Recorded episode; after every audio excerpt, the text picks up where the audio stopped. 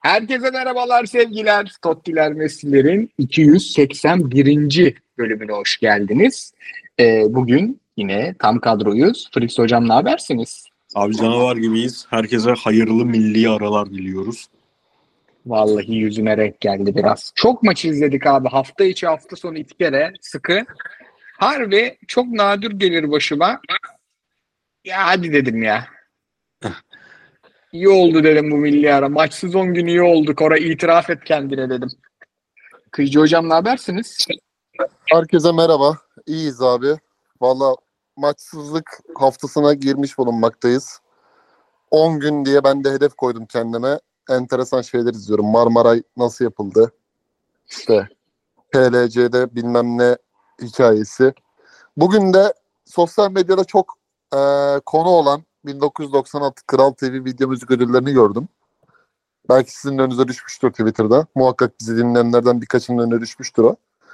1997 video müzik ödüllerine ne olmuş lan diye bir bakayım dedim. Şimdi size de bir soru soracağım. Spontane geliştiği için soruyorum bunu. En iyi beste adayları abi. Bak düşün nasıl bir dönem yaşamışız. Alalım abi kimler? 1997 en iyi beste. 1. Kayağan Mavilim. 2. Evet. Candan Erçetin Yalan. Oy. 3. Yaşar Divane. 4. Bu devirde kimse sultan değil. Üf. Serdar Ortaç, Sibel Can. 5. Seni gidi fındık kıran Tarkan. Bak 5'i birden 5'ini birden seçersin değil mi? Şakasız. Tabii canım. Kim seçilmiş Türkiye'de- abi? Abi çok şok edici bir şekilde yüksek dozda alkışa rağmen yani Tarkan'a gelen alkışa rağmen şıkıdımla Kayağın e, Mavilim Nilüfer ödül alan O zaman isim. abi yani rahmetli çok severim. Rahmetli'nin en sevdiğim şarkısı değil Mavili. Kayağını aşırı severim. Ama lobisi etkili olmuş deriz geçelim. Aynen abi. Ama Zaten ben de ta- protokolde oturuyor ödülü verirken de. bir şey değil mi Tarkan'a vermem. Divaneye veririm Yaşar'a. Ama bence şöyle bir şey yapmışlar abi. Burada uzanların bir eyyamı var. Ya da uzanların olmasa bile son karar merciğinin işte genel müdürlerin bütün silme ödüllerin hepsini Tarkan alıyor haliyle. 97'deki Şıkıdım albümüyle. Herhalde bir, bir iki tane denemişler şeye sektirelim hani söz besteyi. İşte en iyi kadın mesela Sibel Can'a verileceği için orada Sibel Can'ın adı geçmiyor örneğin.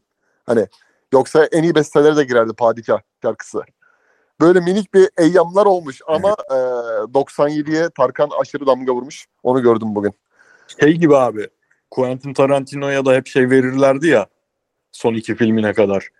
Ulan bütün böyle teknik ödülleri götürür. Senaryoyu götürür falan. Filme gelince filmi bir türlü alamazdı. Evet, İyi evet. alamıyormuş o ayrı. Kendisi artık sevmediğimiz bir insan düşmanıyız. Ama ben sıralamamı yapayım abi. Ben oradan Divane 1 benim için. Fındık Kıran 2. Padişah 3. Başka neydi abi Mavilim dışında?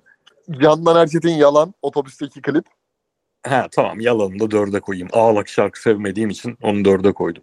Ama mesela şey çok iyi abi 96'nın sonunda Mustafa Sandal tabii gölgede aynıyla haliyle en iyi albümü olduğu için alıyor ödülleri. Sahneye çıkıyorlar ya. Sandal'la Kenan şarkıyı söylerken Mahsun'la Seda arkada şarkıyı sabote ediyor. Yok artık ya. Ya siz nasıl insanlarsınız be? onu onu dinlemişsinizdir mutlaka editten, kesitten, mesitten. Ben ona Nail'e söyleyeyim olmazsa bir salsın bu gece bir daha. Kötü kalplilik ya. Onun arabası onun arabası varı acayip sabote etmişler. O da ama var ya abi hakikaten eee, yani 96 yılında MTV gibi Türkiye'de video müzik üzerine kanal açmak da nasıl bir vizyondur kardeşim. Cem Uzan hakikaten büyük iş yapmış ya. Sana Gölgeden Ay Gölgede Aynı albümünden bir şarkı sö- söyleyeceğim abi. Denize doğru. O çok iyi abi. Oyalama çok iyi. Benim aşka inancım kalmadı. Ya albüm komple iyi be. İki tas çorba. Ben en çok iki tas çorbayı severim. Aynen. Bir Mustafa numara odur. Albümde hakikaten boş şarkı yok. Ne vardı abi? Jest oldu vardı. Bir anda Hemen vardı. sayıyorum abi. Bir anda remix, araba, kalmadı, denize doğru, bir tanem, bir anda gidenlerden jest oldu. Karanlığa veda, oyalama, iki tas çorba, daha çok vaktin var, gölgede aynı. Sen bunu kafadan mı söyledin bakmadan mı? Yok abi bakıp söyledim kafadan söylenmek. Onu bileyim, kafadan söyleyen adam Bak bak. Aklıma ne geldi? Mehmet Ayan'ın kırmızı çizgide 82 Juventus kadrosunu sayıyordu ya. Paketti, Platini, Boniek. Moon Shining. İnanılmaz ya. Kafadan sayabileceğim Türkçe albüm tek şey herhalde ya. Ethereum. Onun dışında sayamam hiçbirini. Ben de düşüneyim bakayım kafadan sayabileceğim var mı? Bir dakika. Ay, Ben bu sırada Ethereum'i sayayım. Kuşlar, 11 ay, sebepsiz fırtına. Seni ezbere aldım ondan sonrası yok. İlk dördü sayabiliyormuş. O da o Abi- da başarıdır ya. Tarkan, Aşk, Ay, Kuzu Kuzu, Verme, ee, Gittin Gidele. Kronolojik saymıyorum tabii. Gittin Gidele. Evet. Ee, Hüp Hüp, Hüp de var doğru. Hüp, Hüp doğru orada abi. Hüp de var. bir de ağlak bir şarkı vardı abi. Slow bir Şey şarkı abi. vardı. Ee, vereceksen huzuru ver, verme. Şey ona sor var bir de. Evet ona sor doğru. Doğru. Bak en zor Tarkan çık abi. Bizim kafalar yanmış artık ya. Alsın abi. Bu yaşta yine iyi bakma. Neyse güzel, güzel, güzel, güzel girdik. İyi bir nostalji turu oldu ya. bambaşka konuşuruz Fenerbahçe Adana Demir maçını. Buradan çık. ben yine menüyü vereyim. Adana Demir Fenerbahçe ile başlayacağız. Beşiktaş Başakşehir'i yine biraz sağ dışı konuşacağız. Hatay Galatasaray'ı biraz gelen tepkiler üzerinden konuşacağız. Trabzon Konya'yı da biraz geçen hafta konuştuklarımız üzerinden konuşacağız. Sonra olağanüstü gollerin atıldığı çok iyi bir Süper Lig haftasıydı gol açısından. Özet izleyenleri gerçekten ihya edecek bir haftaydı. O golleri konuşacağız. Sonra sorularınıza bakıp kapatacağız. Hazırsanız abilerim şeyle başlıyorum. Ee, Adana Demir Fenerbahçe ile başlıyorum. Başla buyur. Şimdi Adana Demir önce Fenerbahçe gibi Galatasaray gibi e, yani oturmuş oyunu olan takımlara karşı rakiplerin ne yaptığına biraz e, bakıyoruz. Nasıl raydan çıkarmaya çalışıyorlar diye. Clivert da bu işleri yapabilecek bir hoca. Clivert şunu yapıyor. Topla geriden ben çıkarım, riskimi alırım diyor. Seni biraz kendi kaleme yaklaştırırım. Savunmanı uzak tutarım, tutmaya çalışırım diyor. İki kanadımı çizgiye bastırırım. Sahayı enine de genişletirim diyor.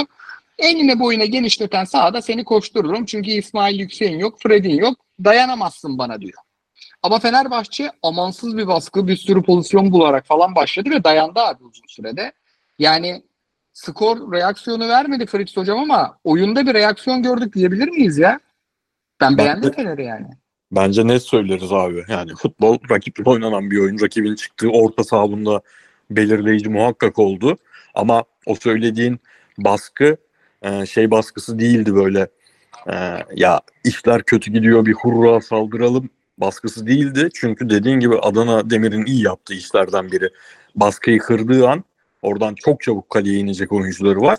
İnmeye çalıştıklarında hep doğru yerde pozisyon aldığı oyuncular ki hani Crespo Zeiss ikilisi Zeiss tabii ki maçın 10. dakikasından itibaren yine felaketti ama en azından o ilk 10 dakikada e, ilk ilk değil ikinci İsmail Kartal dönemini hatırlatan en azından tempo olarak o yönlerini gösterdiler.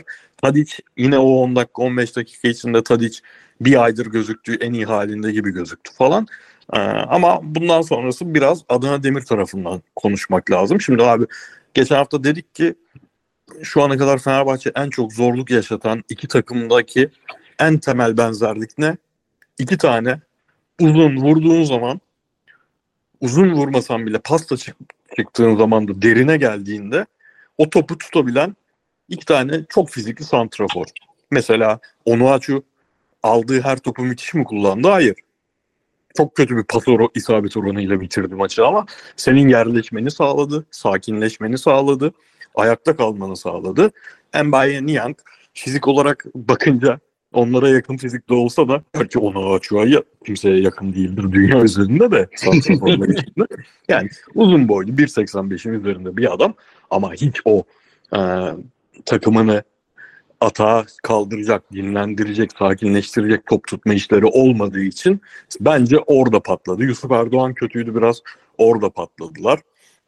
E, Fenerbahçe'de baskısının karşılığını çok telaşlı şutlar yüzünden bence almadı. Yani Ceko bunlardan daha iyisi. Tamam Ceko dünyanın en iyi bitiricisi değildir ama bunlardan daha temiz vurabilen bir adamdır. Tadic bunlardan daha temiz vurabilen adamdır. Şimanski, İrfan Can hepsi birer tane şu, çok iyi şut açısı buldu ama çok telaş çektiler şutları. Mesela Ertaç'ın şimdi sofadaki şeyine bakıyorum. Aldığı puanı 9.5 almış. Halbuki 9.5'lik bir kurtarış yapmadı. Ama o kadar çok doğru pozisyon aldı. Hakkını verelim. Ama o kadar çok e, iyi açıdan kötü şut çekti ki Fenerbahçe kullanamadılar. Ben hani şey yadırgadım. Endia'yı Akbaba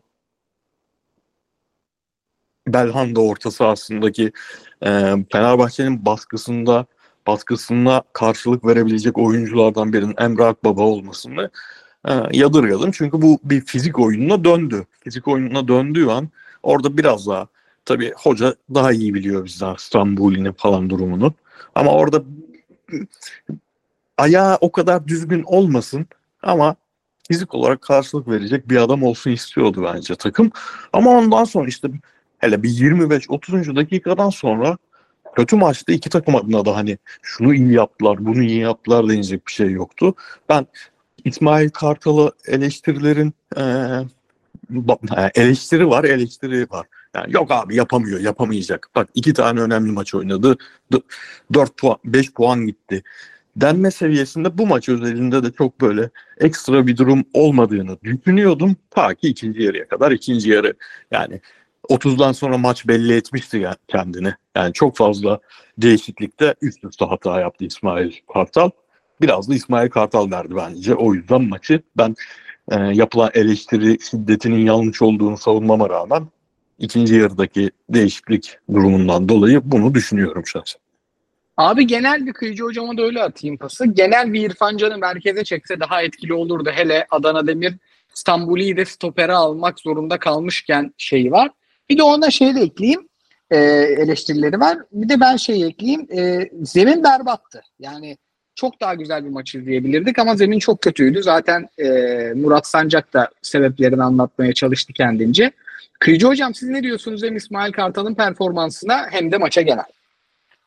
Yani şimdi Adana Demirspor haliyle bu ligin hani Montella döneminden itibaren iki yıl öncesinden gelişiyle beraber oyuncu havuzuyla birlikte en çok çabuk oynamayı seven takımlarından biri. Tabii bununla iki takım da e, etkilendi. Zeminin bozuk olması, Fenerbahçe'nin özellikle Fred'in karşı ön sağ presini müthiş araması. Çünkü Fener'in çoğu atakları hani Fener, en çok Fred'in yaptığı o ön sağ karşı presten bulduğu pozisyonlar ve onun getirisi gollerle meydana geliyordu. Ee, bu tabii Fenerbahçe için bir handikaptı. Fred'i çünkü bir hafta içi denemişler. Verim alamayınca sahaya sürmek istememişler, risk etmek istememişler. Ee, buna rağmen ben de size katılıyorum. Fenerbahçe'nin her şey yani ideal 11'indeki Fred eksikliği, Ceko ve e, Ciku ve Bekao'nun olmadığı savunma tandeminde Adana Demirspor'un hızlı oyuncularına pozisyon vermediler. Yani özellikle Yusuf Sarı'nın e, ve ön tarafta Niang'ın etkili oyununa müsaade etmediler ve buna rağmen ilk 20-25 dakika e, pozisyon buldular. Tabii burada e, kabareyi değiştirmek istediklerinde attığı şut kalitesi çok iyi değildi. Hani ben de orada 9.5'luk bir Ertanç performansı göremedim esasen. Tabii kurtarış yaptı mı yaptı. Hani oradaki çıkarttığı üst üste 2-3 top takımı oyunda tutmasına çok etkili oldu. Ama esasen ben şurada e, şunu düşündüm. İsmail Kartal'ın yaptığı değişiklikler takımı çok öne götürdü mü? Götürmedi. Yani e,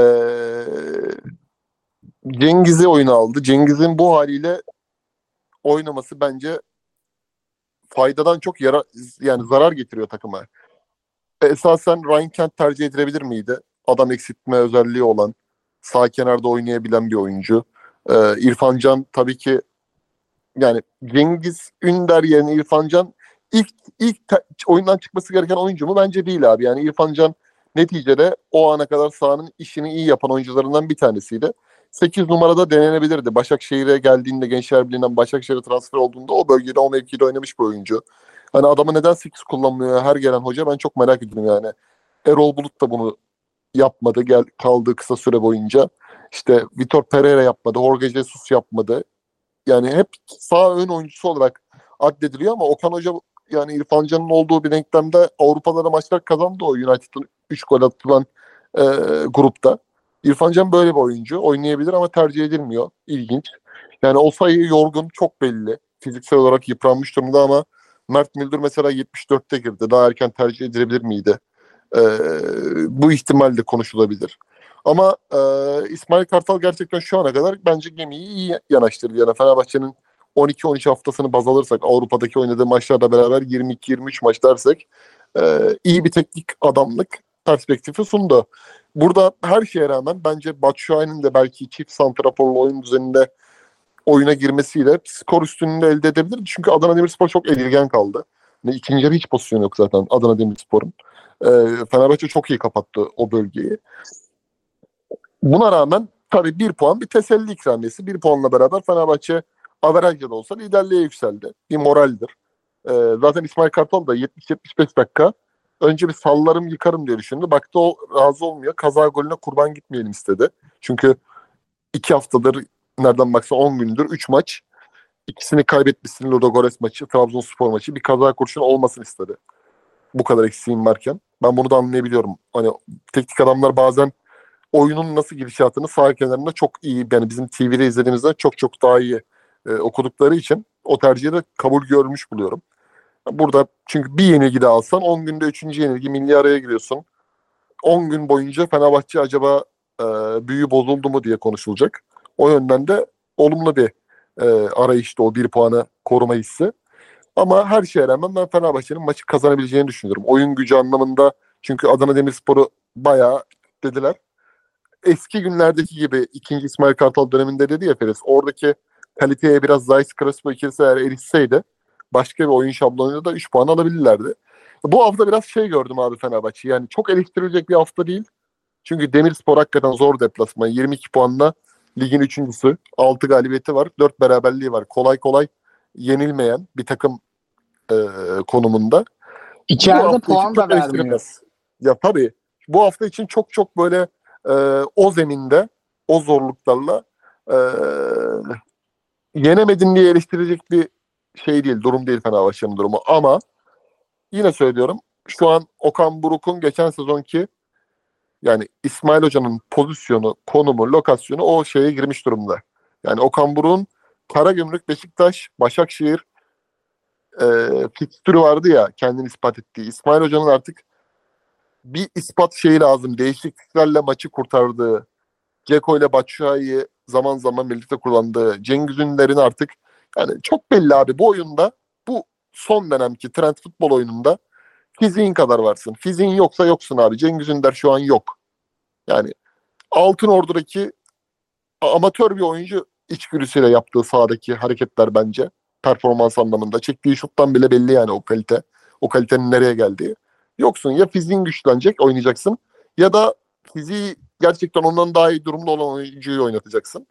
Öyle öyle, o hamleleri zaten doğru yaptığı zaman hoca İsmail Hoca bence takım e, bu kitlenen maçları da kazanabilir. Ama abi her şeyden önce e, biraz da işte burada zaten hani büyük teknik adam şampiyonluk yaşayan teknik adamlar buralardan bu virajları dönerse başarılı oluyor. Yani hoca şey yapmıyor hani çok risk almayı sevmiyor. Hani mesela bir Donk'u ileri gönderen Fatih Terim kafasında da değil veya bir Larin'den bir şey çıkartayım diye taktik idman çalışan Sergen Yalçın profilinde de değil. Yani elindekilerle aynı oyunu oynarım düşüncesi çok hakim hocada. Yani Zayt'sızlak Brett'in yaptığını yaparım düşüncesi çok hakim. Bence onu yapmasın. İrfan Can Kahveci ile başka bir arayışlara girsin. Bence çok daha fayda görür diye düşünüyorum. Bir de Fenerbahçe'nin gerçekten biraz tempoyu düşürmesi gerekebilir ya. Yani tamam hiç yaşlarını gösteren oyuncular değiller. Hiç de olmadılar da zaten. Ama Tadic'in de Ceko'nun da fikstür sıkışınca bu kadar presli tempolu oyunda sürekli ki Tadic eleştirileri başladı bile zaten. E, sağ çıkması da kolay değil. Yani oyunda biraz ufak tefek e, şeyler biraz daha yavaş, biraz daha demlene demlene oynaması gerekebilir Fenerbahçe. Tabii özellikle Tadic abi zaten hani mesela Cengiz değil tamam Cengiz'i at ama Tadic'in süresinden de al Kent'i at mesela elinde Kent varsa. Ya da örneğin mesela hani Osayi'yi gerçekten çıkarmak istemiyorsan hani Osayi zaten Fenerbahçe'ye geldiği zaman Osayi sağ ön oyuncusuydu Erol Bulut döneminde. Emre Belezoğlu transferiydi. Sağ önde oynuyordu. Örneğin Mert Müldür'ün önünde Osayi'yi görürsün. O zaman da mesela ters kanada atarsın Cengiz'e Tadic'in yerine. İlla Cengiz'i oynatmayı düşünüyorsan. Ya bu arayışlar bence önemli. Bak bu hafta geçen hafta ne dedik abi? Bartu Elmaz'ı alsaydı acaba geriden madem bu kadar oyun kurmak istiyordu. İlk dönüşlerde Bartu'yu alsaydı belki bir şey bulur muydu diye düşündük. Bak 84'te Bartu mesela sahaya attı. Yani böyle arayışları yap- yapmak lazım ki risk alıp doğruyu bulasın diye düşünüyorum yani. Mesela Umut Nayır. Batshuayi ile Ce- Ceko aynı anda oynamıyor ama belki Umut Nayır'ın olduğu bir denklemde Umut Nayır ile Ceko bir pozisyon açısı yaratabilir sana orada. İki santrafor. Adana Emir gelemiyor çünkü onlar da yoruldular. Hem zemin bozuk. Yüksek oynaman lazım. Yerden oynayamıyorsun çünkü. Gibi gibi. Diyelim e, Fener maçına zaten sorularda döneriz. Fener Abi Adana Fener için şeyi ekleyeyim ben. Ee, buradan sonra dönüş Karagümrük maçı zaten direkt ligde iki tane maç. Karagümrük Sivas direkt 6'yı yazıyoruz. Ama arada bir Norşalent maçı var. Bak hiçbir şekilde liderliği son maça bırakmaması lazım Fenerbahçe'nin. Burada mesela Norşalent mağlubiyeti olursa o eleştiriler Beşiktaş'ı yensen bile devam edecek. Liderliği son maça bırakmadan buradan bir puanını alması lazım. Bir puan yetiyor sanırım liderliğe. Dönüşte de Beşiktaş maçı abi. Bu dört maçta zaten ikisine 6 puan yazdık. Saydığım iki maç İsmail Kartal'ın eleştirilme dozajını gösterecek. Yani mesela Beşiktaş maçı deplasmanda bile olsa mağlubiyetin bence İsmail Kartal açısından, takım açısından bir problemi çok fazla olmayabilir. Sonuçta Beşiktaş deplasmanıdır. Ama İsmail Kartal'ın kendisinin eleştirilme dozajını belirleyecek şey olacak. Çünkü herkesin kafasında yani. Fenerliler yani direkt söylemese de Fenerlilerin de kafasındaydı. Ya abi zor maçlar gelince ne olacak? Bir tanesi geldi 0 puan. Bir tanesi geldi 1 puan. Tamam. Çok omurgan yok. Sahadaki omurgan yok. Çok ben, benim açımdan bu yeterli bir e, şeydir. Bahanedir, mazerettir teknik direktör açısından. Ama üstüne gidip bir de Beşiktaş'tan mağlubiyet çıkarsa o zaman bence problem olur. Rıza Hoca'nın gelmesi en kötü İsmail Hoca için oldu bence. Çünkü en azından ne oynayacağını az çok tahmin edebileceğimiz bir futbol takımı sahaya çıkaracak. Bir teknik direktör geldi takımın başına. Teknik direktör gelmese o maçı Fenerbahçe rahat kazanabilirdi. Bence o çok kritik abi. Avrupa'yı da dediğim gibi son maça lider Spartak Tır- Tırnava maçına bırakmamak lazım. Yeneceksin evet nasıl olsa yeneceksin Spartak Tırnava, Tırnava'yı da işte o zorluk derecesi önemli maçlarda ne yapacağız duygusunu e, artık aşması lazım İsmail Hocam.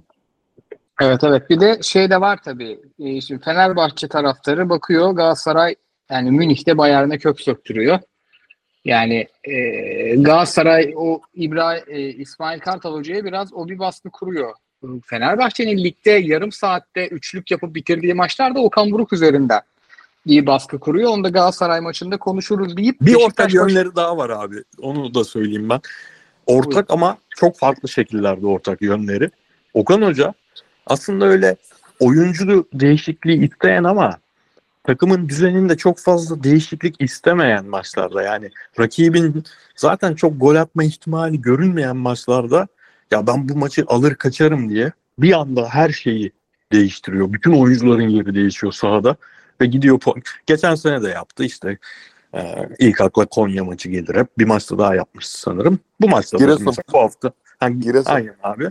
Bu hafta da yaptı aynısını. İsmail Kartal'da bunu tam tersi ortada oyun yok. Yani sabaha kadar 0-0'a doğru giden bir maçta sadece oyuncuların ismi değişiyor. Mesela Ceko ile Batshuayi aynı anda sahada olmuyor. Ceko çıkıyor, Batshuayi giriyor. Böyle bir değişiklik e, stili var onunla. İkisinin de, ikisi de biri 3 puanı verdi. Diğeri belki 1 puanı aldım diyebilir ama yani Adana Demir'in de gol, at- gol atacak bir durumu yok gibi görünüyordu. Doğru değişiklikle, doğru düzen değişikliğiyle en azından 3 puanı alabilirdi. O da o 3 puandan oldu. Vallahi katılıyorum. Yani enteresan hoca performansları görüyoruz. İkisi de en, yani ondan önceki dönemde oynanmayan kadar iyi bir top oynatıyor ama ikisinin de kusurları hep görünüyor bir yandan. O yüzden de hem iyi teknik direktörlükler izliyoruz hem zaafları da görüyoruz. Eğlenceli bir sezon oluyor bizim için de diyelim. Be- Be- Beşiktaş Başakşehir'e geçelim. Abi e, saha içinde konuşacak çok bir şeyimiz yok. Hatta saha içinde size şey sor. Ha bu arada biz bu maçları bölüşmüştük. Beşiktaş maçını kim izledi benden başka? Ben izledim. Heh, çünkü izlemedim. yani ben dinleyicilerimize de söyleyeyim.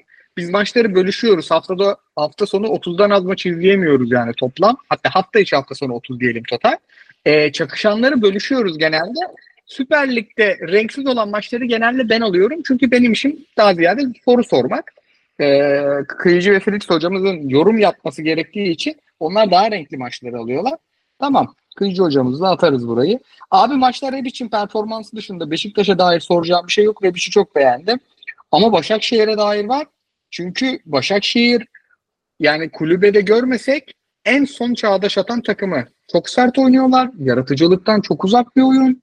Kaleye giderken sorun, kaledeyken sorun. Oyuncuların yüzü çok gülmüyor top oynarken. Ee, yani Çağdaş Atan takımını izlerken birçok şey diyebiliriz. Herkes beğenmek zorunda değil Çağdaş Hoca'nın futbol stilini ama ya abi hiç eğlenmedik bu maç. Çok az deriz. Başakşehir maçları eğlendirmiyor. Yani hem maça dair hem Başakşehir'e dair ne demek istersin Beşiktaş'a dair de e, yorumlarını alırız. Ee, o zaman şöyle gireyim abi. En son Başakşehir'de bitireyim. Ee, Rıza Çalınbay'ın gelmesiyle birlikte tabii Beşiktaş taraftarı özellikle bizim kuşaktan önceki Rıza Çalınbay'ı futbolculuğundan da bilen 50 yaş üstü türbünü havasını iyi bilen taraftar stadı doldurmuş yani. Rıza kaptanı karşılayalım diye gitmiş gittiler. Ee, tabii burada Beşiktaş için bir çıkış noktası lazımdı. Bu çıkış noktası eski futbolculardan işte adı geçen Rıza Çalınbay, Samet Aybaba, Sergen Yalçın Beşiktaş'ın öz çekirdek yapısına dönüşüydü. Ee, çünkü Beşiktaş şöyle bir e, lokal kültür. Galatasaray Avrupa başarılarında daima hem dış ilişkileri hem yaşamış olduğu e, yüksek geniş lobi çevresi hem de bağlantılarıyla başka bir marka boyutta. Fenerbahçe daha böyle e, ulusalcı ama Türkiye'nin her yerinde 80'li yıllarda özellikle e, sevilen, karşılanan, hakikaten de ayrı bir kültür olan kulüp. Ama Beşiktaş her zaman içer, içindeki nasıl söyleyeyim yetiştiği oyunculardan işte Metin Ali Feyyazlar, Rızalar buralardan kendi öz kaynağından başarılara ulaşmaya çalışan bir ekip. O yönden Beşiktaşlar da o duyguyla kaptanlarını karşılamaya gittiler. Türbünleri o yönden doldurdular. Bence bu doğru. Hakikaten çünkü dibe vuruştu bu son bir aydır yaşananlar. Şenol Güneş'in Lugano maçından sonra ayrılığı, Ahmet Nur Çebi'nin kriz yönetememe becerisi, Burak Yılmaz'ın gelmesi, ee, Burak Yılmaz'ın geçen hafta konuştuğumuz, yaşa- yaşattığı skandal basın toplantısı vesaire.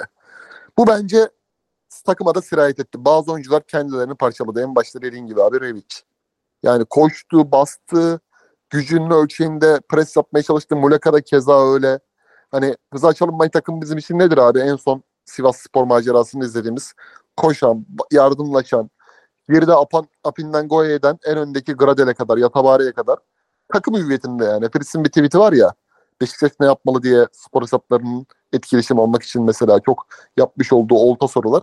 Bence en azından önce bir Türk teknik direktör bularak işe başlamalı diye çok güzel bir tweet'i var. Onu yaptılar. Bir teknik direktör getirdiler takımın başına. Ee, bu da bütün oyunculara en azından özveri, koşma, mücadele. Yani Necip'in Amart'in açığını kapattığını gördük. Rozier'in daha dengeli olduğunu gördük. Tayfur'un yeteneği ölçüsünde mücadele ettiğini gördük.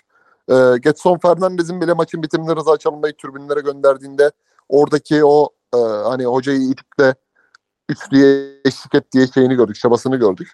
Bu yoktu yani. Şenol Güneş döneminde de yoktu. Burak Yılmaz döneminde zaten hiçbir şey yoktu. Ee, ama şunu da gördük. Zaynutdinov'un pozisyonunda Başakşehir oyuncuya bırak sarı kart vermeyi faul pozisyonu bile Başakşehir oyuncunun lehine verdiler yani. Adamın gözü kaşı patladı. Ee, TFF o kadar bu konuda Beşiktaş'a karşı artık Mehmet TFF başkanının yaşatmış olduğu, Çebi'yle yaşamış olduğu gerilimden dolayı nasıl bir e, şey varsa aralarında, sıkıntı varsa o noktaya getirmiş durumda yani. Sen güçsüzsen seni daha çok eziyorlar. Bu bir kural yani zaten Süper Lig'de. Galatasaray'ın Torrent'le Fatih Hoca ile yaşadığı sezonda da bu çok mevcut, mevcudiyet durumundaki bir halde. E, ama bence Rıza Çalınbay'ın her şeyden önce bir topluluk haline gelen Beşiktaş'ı Fenerbahçe derbisine kadar hazırlayabileceği ihtimalini gördük. Çünkü Rebic'in o attığı pasta, Muleka'nın attığı gol, oyuncuların bir rahatlığı, işte 1-0 iken Başakşehir biraz gelmeye başladı. Pelkas, Deniz Türüç, Kenny girdi. Çağdaş Hoca'nın hamlesiyle 70'lerde. Hani gol yemeyelim şu maçı bitirelim motivasyonu bence çok o yönden e, takımı sirayet etmiş bir durumdaydı. E, buna binaen Başakşehir'de ne gör, ne gördük ne göremedin ya da. Şimdi bu takımda abi Berkay Özcan gibi bir oyuncu var. Galatasaray'a rotasyonu alır mısınız? Alırsınız. Her türlü 8 alır. numara oynar. 10 numara oynar. Serdar Güller gibi Anadolu takımlarında bile oynasa hala iş yapacak delici bir oyuncu var. İspanya'dan geldikten sonra özellikle Başakşehir'e transfer olduğunda iş, iş de yaptı. Asistler de yaptı Huesca'dan sonra. Yusuf Evet, Erdoğan kadar oynar. Adana gibi Oynar. bir takıma gitse mesela. Yani Piontek var. Pietek diyorum ben ona da Piontek var. Normal okunuşu. Milan'da oynamış. Serie A'nın tozunu yutmuş bir santrafor. Mahmut Tekdemir zaten orada. Kulüp kurulduğundan beri orada. Emirhan gibi bir oyuncu var. Geçen sezon Torino'da biraz tecrübe kazanmış. Beşiktaş'ta Önder Karabey sezonunda oynamış. Dubois var. Şu an Galatasaray'da olsa %100 Okan Buruk'un keşke göndermeseydim diyeceği oyuncuların başında geliyor. O, Allah korusun yani. Boya'ya bir şey olsa alternatifi yok. Dubois'u solda da oynatırdın Angelino yerine. Sağda da oynatırdın Boya'yı yerine. Böyle bir oyuncu var. Şu an E, şu an Duarte- Dubois Galatasaray'ın en iyi sol beki olur. Olurdu. olurdu. Nokta. Yani Pelkas var. Abi Pelkas var, Deniz Türüç var. Ama yani bu takım bu takıma yani Emre Belezoğlu'luk sorgulama işine geçti yani. Hiç mi müdahale edilemiyor? Yani Emre Belezoğlu döneminde zaten vites boşalmış şekilde aşağı gidiyordu. Ama eee, kaç haftadır kazanamıyor yani. En son Gaziantep'i yendiler. Şumudika'yı ki o da Şumudika'nın herhalde son yenilgisi. Abi takım kazanamıyor. Kazanmayı bırak. Avucundaki maçı yani yenilmeden bitiremiyor. Bu kadar oyuncu grubu. Lucas Lima sol bek mesela tecrübeli bir oyuncu, Süper bir oyuncu. Geçen sezon Kenny Beşiktaş'a bu statta gol atmış bir oyuncu. Bandırmadan geldi. Skor üretmiş bir oyuncu. E şimdi bir sürü faktöre bakınca yani Çağdaş Hoca'nın ben yapamadım deyip de bırakma ihtimalini düşünüyorum bu takıma. Yani bu son artık viraj. Mart ayına kadar oyun da değişmiyor. Yani ben Çağdaş Hoca'nın mesela Kayseri'deki oyunu buraya uygulamaya çalıştığını da görüyorum. Zaman zaman demin bahsettiğim gibi ön sağ presi. Hızlı alalım işte Deniz'le Serdar'la dikine delici şekilde kanatlardan o Piatek'i bulalım. Berkay 10 numarada üretkenlik sağlasın. Ama bu takım Mehmet Yamlı Kayseri işte e, Gökhan Sazdağlı Kayseri. Ya bir Gökhan Sazdağ falan olsa Çağdaş Hoca herhalde çok mutlu olur ya. Hani Ça- Gökhan Sazdağ'dan aldığı verimi verecek bir oyuncu yok burada. Yedekten girenler de öyle mesela. Deniz Türüş falan tamamen kopmuş. Hiç e, o perspektifte oynamıyor. İki gerçekten çok zor. Yani ben Başakşehir'le ilgili mesela şimdi fikstüre baktım. Dönüşte mesela milli aradan sonra zaten hani e, sert bir fikstüre girecekler. Pendik'te oynayacak. Pendik 3. Üç, 3. maçını kazandı Portekiz Hoca geldiğinden beri. Rize ile deplasmana gidiyor. İlhan Palut'un Rize'si. Hatay Spor'la içeride oynuyor. Volkan Demirel'in takımı bak. 3 tane zor maçı var abi. Sonra da Kemal Özdeş'in Paşa'sıyla oynayacak. Paşa'da çok rahat gol bulan bir takım. Şimdi bu tabloda hoca bir şeyleri değiştiremezse bur- burada da mesela bir Şenol Güneş sesleri duyabiliriz yani. Tam da onun kulübü bence. Kendini Bursa Spor gibi rehabilite edecek. Yeniden İstanbul'da çalışacak. Elindeki oyuncu grubu da bir şeyler yani çok çok kötü değil. Bir şeyler çıkartabilecek bir oyuncu grubu. Ama e, Hoca, Çağdaş Hoca çok büyük ümitlerle geldi Başakşehir'e. Emre Belezoğlu'ndan sonra. Yani Kayseri'deki takıma ben bunu başardı, başardım. Başardığını gösterdim. Başakşehir'de bu oyuncular varken daha iyisini yaparım ümidiyle geldi ama işte futbol bu yüzden güzel abi. İsime bakmıyor. İsmin veya kulübün transfer tahtasının kapalı olmasına bakmıyor. Ama eldeki oyuncu grubunun tutkusu Kayseri'de hala devam ediyor. Bak Başakşehir'de daha da aşağı gidiyor. Evet evet Kayseri bayağı iyi gidiyor. Krist hocama şöyle döneceğim. Ee, Rıza Hoca'nın dönüşünü bir genel sorarım, bir havasını sorarım takıma. Bir de Burak Yılmaz'ın son açıklamaları da duymuşsunuzdur. Abu Bakar'la ilgili falan yaptı. Yani gerçekten e, bu süreci daha kötü. Beşiktaşlıların yeniden Burak Yılmaz'a ağza alınmayacak e, hakaretler ettiği bir dünyaya getirdi kendisini. Gerçekten iki süreci de sana sorayım abi. Zaten Beşiktaş'ın saha dışı saha içinden daha çok konuşulabilecek durumda olacak gibi duruyor seçime kadar. Abi Rıza Hoca'dan alayım. Önce kayıcı konuşurken şu an bir bakıyordum merak ettim. Rıza Hoca ilk döneminde kadro nasılmış, hangi 11 ile çıkmış falan diye bakıyordum. Del Bosque ko- kovulduktan sonra çıktığı ilk maç Beşiktaş'ta Malatya maçı. 11'de Okan Buruk var ve çok gereksiz bir bilgi. Çağdaş Hoca da stoperiymiş. İlk, Aa. ilk çıktığı maçta. Evet, evet. Evet. Evet, Çağdaş Okan Atan'la Ronaldo yan yana oynamış. Abi bir de şeye baktım. Del Bosque tamam kupada birine elendi diye kovuldu da zaten bir sürü problem vardı. Abi ligdeki kovulmadan önceki son maçı Akçaabat Sebat'a 6-1 yenmiş. 10 maçta 8 galibiyet 2 beraberliği var. Ne diyorsun Kıyıcı o sezona? Ee, Del Bosque'nin kovmadan önceki grafiğim abi. Evet abi son 10 maç ligdeki son 10 maç 8 galibiyet 2 beraberlik ya. Onu yiyen şey oldu galiba bak yanlış hatırlamıyorsam. Ya alın kanat abi. mı? Yok bir Konya Spor'la oynadılar. Baliç orta sahanın biraz önünden çok sert. Ha tabii tabii. Konya- Kupada eğleniyorlar. Lig Evet, evet. arasından sonra kupada eğleniyorlar. Da yani kupadan Konya eğlendim. ikincilikleri galiba yanılmıyorsam o sezonda veya birincilikte de olabilir tam hatırlamıyorum ama kupada eğleniyorlar birdenbire gönderiyorlar ama alttan da kaynıyordu abi Rıza Çalınbay gelsin diye. Hani Aynen. Hidding'in Abdullah Avcı milli takımdaki gelişi gibi aynı. Bir de lige girişine baktım. Son 10 maça bakmıştım da. İlk 1, 2, 3, 4, 5, 6, 7, 8 maçta bir galibiyeti var. İlk 8 maçta zaten ligden kopulmuş. Öyle bir dönem. Böyle bir maçı izlemediğim ne kadar belli değil mi? Gereksiz gereksiz yerlere Ama şu var Rıza Rıza Çalınbay'ın e, o dönem Yulay'da bayağı takıştı. Bak Yulay'la Beşiktaş'tayken takıştı. Hani şimdiki Muleka Yulay'dı o zaman. Tabii Muleka bence daha iyi oyuncu da Yula'dan. Sonra Eskişehir'de beraber oynadılar. Rıza Çalınbay Eskişehir'deyken Burak Yılmaz'la Yula beraber oynuyordu Santrafor'da. Ümit Karan falan da vardı. Yula'yla şey kavga etti. Engin Baytar sahada kavga etti. Hatırlarsın ona. O zaman Eskişehir'in hocası Rıza Çalınbay'dı mesela. Hep böyle şeyli var yani. Hep tek gelir kaosa krize. Ekip Bey'i yendikleri dönem miydi bu? Evet evet Sikive'yi yendikleri dönem. Bu nasıl oyuncu pas atmıyor bilmem ne diyordu Engin Baytar'a Yula. Aynen. Ama burada da Yuğla'yla da takışırsın bu kadroda be. Karev var, Veysel Cihan var, Panku var, İbrahim Akın var. tabii tabii. Sonra Karev gidiyor, Ayılkan geliyor. Aynen maalesef.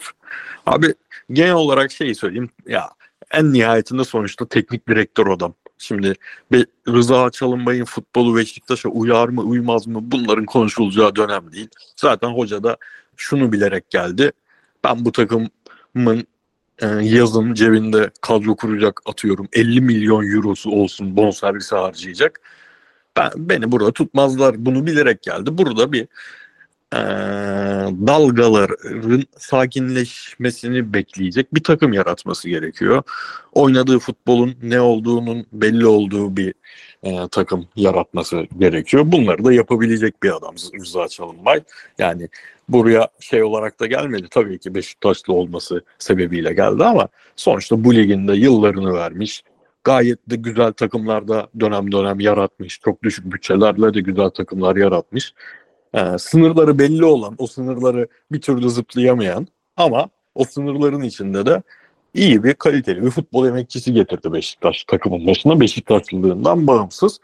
En azından şu olmayacak. Bak geçen hafta abi o kadar uzun konuştuk konuştuk. Yayını yaptıktan sonra ben biraz kendim şey hissettim böyle. Ya ulan çok üst perdeden konuşuyoruz. Yani sahanın içinde değiliz, soyunma odasında değiliz. Çok mu üst perdeden konuştuk acaba dedim Burak Yılmaz'ın açıklamaları e, üzerine. Ama abi 3 gün geçti. Bir pardon yayını yaptıktan sonra 2 gün geçti. Takım sahaya bir çıktı. 2 gün önce o açıklamaların nedeni olan Erik Bailey 11'de. Abi dedim yani bütün o maç neden kaybedildi o zaman? Neden yaşattı insanlar onu? Neyse sonunda bir gün sonrasında gitti. Sonra bugün dediğiniz açıklamalar. Ve tahminim e, hani Atilla Gökçe yazmış ya bunu. Hani Burak şey olarak da bilmiyor olabilir. Bir dost sohbeti olarak aramıştır. İşte Atilla abi büyüğümüz, basının duayeni falan diye de konuşmuş olabilir. Çünkü başka türlü bunlar böyle şeyler medyaya kesin kes düşeceğini bilerek söylenecek şeyler değil yani. Geçen hafta çok uzun konuştum ben bu konuda. Ekstra bir şey söylemeyeyim abi. Beşiktaş jet hızıyla yalanladı zaten. Yani Ha Hiç bende yok abi. Ne diyor Beşiktaş? Öyle bir durum yok. Sakatlığından oynamıyor Abu Bakar diyor. Ha tabii onu diyecek sözleşmeli futbolcusu. Normal. Hani yani hiç, Bir- hiç Ama şöyle bir şey var. Bak abi halen bence yaptığı işin boyutunun kendisine nasıl zarar verdiğini farkında değil. Bak sen Şenol Güneş'le ilgili onun sayesinde Beşiktaş'a tekrardan döndün. Eskude muhabbetleri 5-6 sene sürdü. Galatasaray'da oynarken başına geldi. Trabzon'a gittin karşına çıktı. Seni Beşiktaş'a Şenol Güneş daha önce almak istiyordu. Negredo varken o zaman belki olsaydı hani Negredo'nun olduğu kadroda işler daha da değişebilirdi. O takım çünkü çok iyiydi. Tam Burak Yılmazlık takımda Quaresmalar, Babeller, Taliscalar. Ee, ama oradan sonra bir daha seni karşısına aldı taraftarı getirdi. Sonra seni yardımcı hoca yaptı. Hiç hesapta yokken bu, bu sene esasen. Arada köprü olsun diye bak. Seni yardımcı hoca yaptı. Sana alan açtı. Biz Beşiktaş'ın başındayken Tamer Tuna'yı falan veya Şenol Fidan'ı e, yedek kulübesinde Şenol Güneş'in arkasında kamerada kadrajda görebilir miydik? Göremezdik yani. Ona nasıl bir alan açtı Şenol Güneş? Talimatı verirken kameralar Burak Yılmaz çekiyordu. Bak Şenol Güneş bunlara çok dikkat eden bir hoca. Tamer Tuna falan öyle çıkıp da veya başka biri çıkıp da öyle arkasında Şenol Güneş'le aynı hizada taktik maktik veremezsin abi. Fatih Terim için de böyle geçerli. Kamera onu çeker, reji onu çeker, yönetmen onu çeker. Ama seni önünü açtı. Benden sonra Burak dedi. Ama sen burada kalkıp da bugün mesela babam dediğin adama senin futbol kariyerini değiştirmiş, dönüştürmüş adamı eleştiriyorsun. Atilla Gökçe'yi eleştiriyorsun. Atilla Gökçe'yi eleştirmek ne demektir biliyor musun abi? Bize ya bu yalandır deme imkanı bırakmaz yani. Çıkıp da Atilla Gökçe'ye söylüyorsun bunu. Medyanın en eski isimlerinden bir tanesi. Hala bu işi vazife eden. Üstelik Beşiktaş'la ilgili paylaşımların hepsini kaldırıyorsun. Instagram O acayip Bak, bak. O en acayip benim için o. Benzine bak yangın var abi yanıyor. Fokurduyor yani. Sen oraya benzin döküyorsun bir daha. Eski postların altında kendine resmen salça ettiriyorsun. Ve Şenol Güneş'le ilgili de bitirmiyorsun konuyu. Hani gergin de asabiydi bana da şöyle böyle yapıyordu minvalinde konuşmayı bitirmiyorsun. Kulübün yatak odası sırlarını döküyorsun abi. Abu Bakar doğru ya da yanlış benim için önemli değil. Ben Abu Bakar'ı zaten hepimiz yıllardır biliyoruz huyunu suyunu. Sergen Yalçın çok güzel anlattı. Sivas'ta bir sakatlanma numarası yaptım dedi. Ya dedim bu vuruldu mu? Yani Abu Bakar'ı bilmeyen yok. Beşiktaşlar da Hepimizden biliyor. iyi de hepimizden iyi de Beşiktaş'ta yatıp kalkanlar biliyor. Abu Bakar'ı deli gibi sevenler biliyor. En iyi de onlar biliyor. Yani ve kulübün yatak odası sırlarını döküyorsun. Bak demin ne dedim abi Şenol Güneş Başakşehir olabilir belki dedim. Bunu derken belki o Şenol Güneş sana hala ya bırak Beşiktaş'ta olmadı ama sen benim yardımcı hocam devam edersin de diyebilirdi sana halen. Gel de diyebilirdi. Yine, yeniden başlayalım belki. Bir yere giderse diyebilirdi yani. O kapıyı da kapatıyorsun. Yani yine bir sarmala girdi yani. Otobüs şoföründe kavga ettiği sarmal vardı ya. İşte eşiyle ilgili çirkin iddiaların olduğu, otobüs şoförüyle kavga ettiği, milli takımda prim krizinin hedef noktası olduğu yine hayatında bir sarmala girdi. Yani bir insan özel bir çaba gösterse Lille'de kendisine top 10 Burak Yılmaz golü diye hazırlanan klipler var o sezon 20-21'de. Şampiyon Paris Saint Germain'in önünde şampiyon bitiren Lille'in forveti. O imajdan 30 gün içinde bu kadar dibi vurması inanılmaz bir şey ya. Yani eee, yatak odası sırlarını kulüple ilgili dökmesi de farkında değil. Hiçbir kulüp sana iş vermez. Vermez. Anla- anlamıyor bunu işte anlamıyor. Sen böyle milletin şu oldu bu oldu şu oldu bu oldu ya ben işte Şenol Güneş'le ilgili olanları dağarcığıma belleğime yazdım tecrübelendim bilmem ne. Bunları böyle birden sinirle hışımla anlatırsan yok yani bir geleceğin olmaz. Şimdi bugün okuyoruz şimdi bu, bu mevzu patlıyor.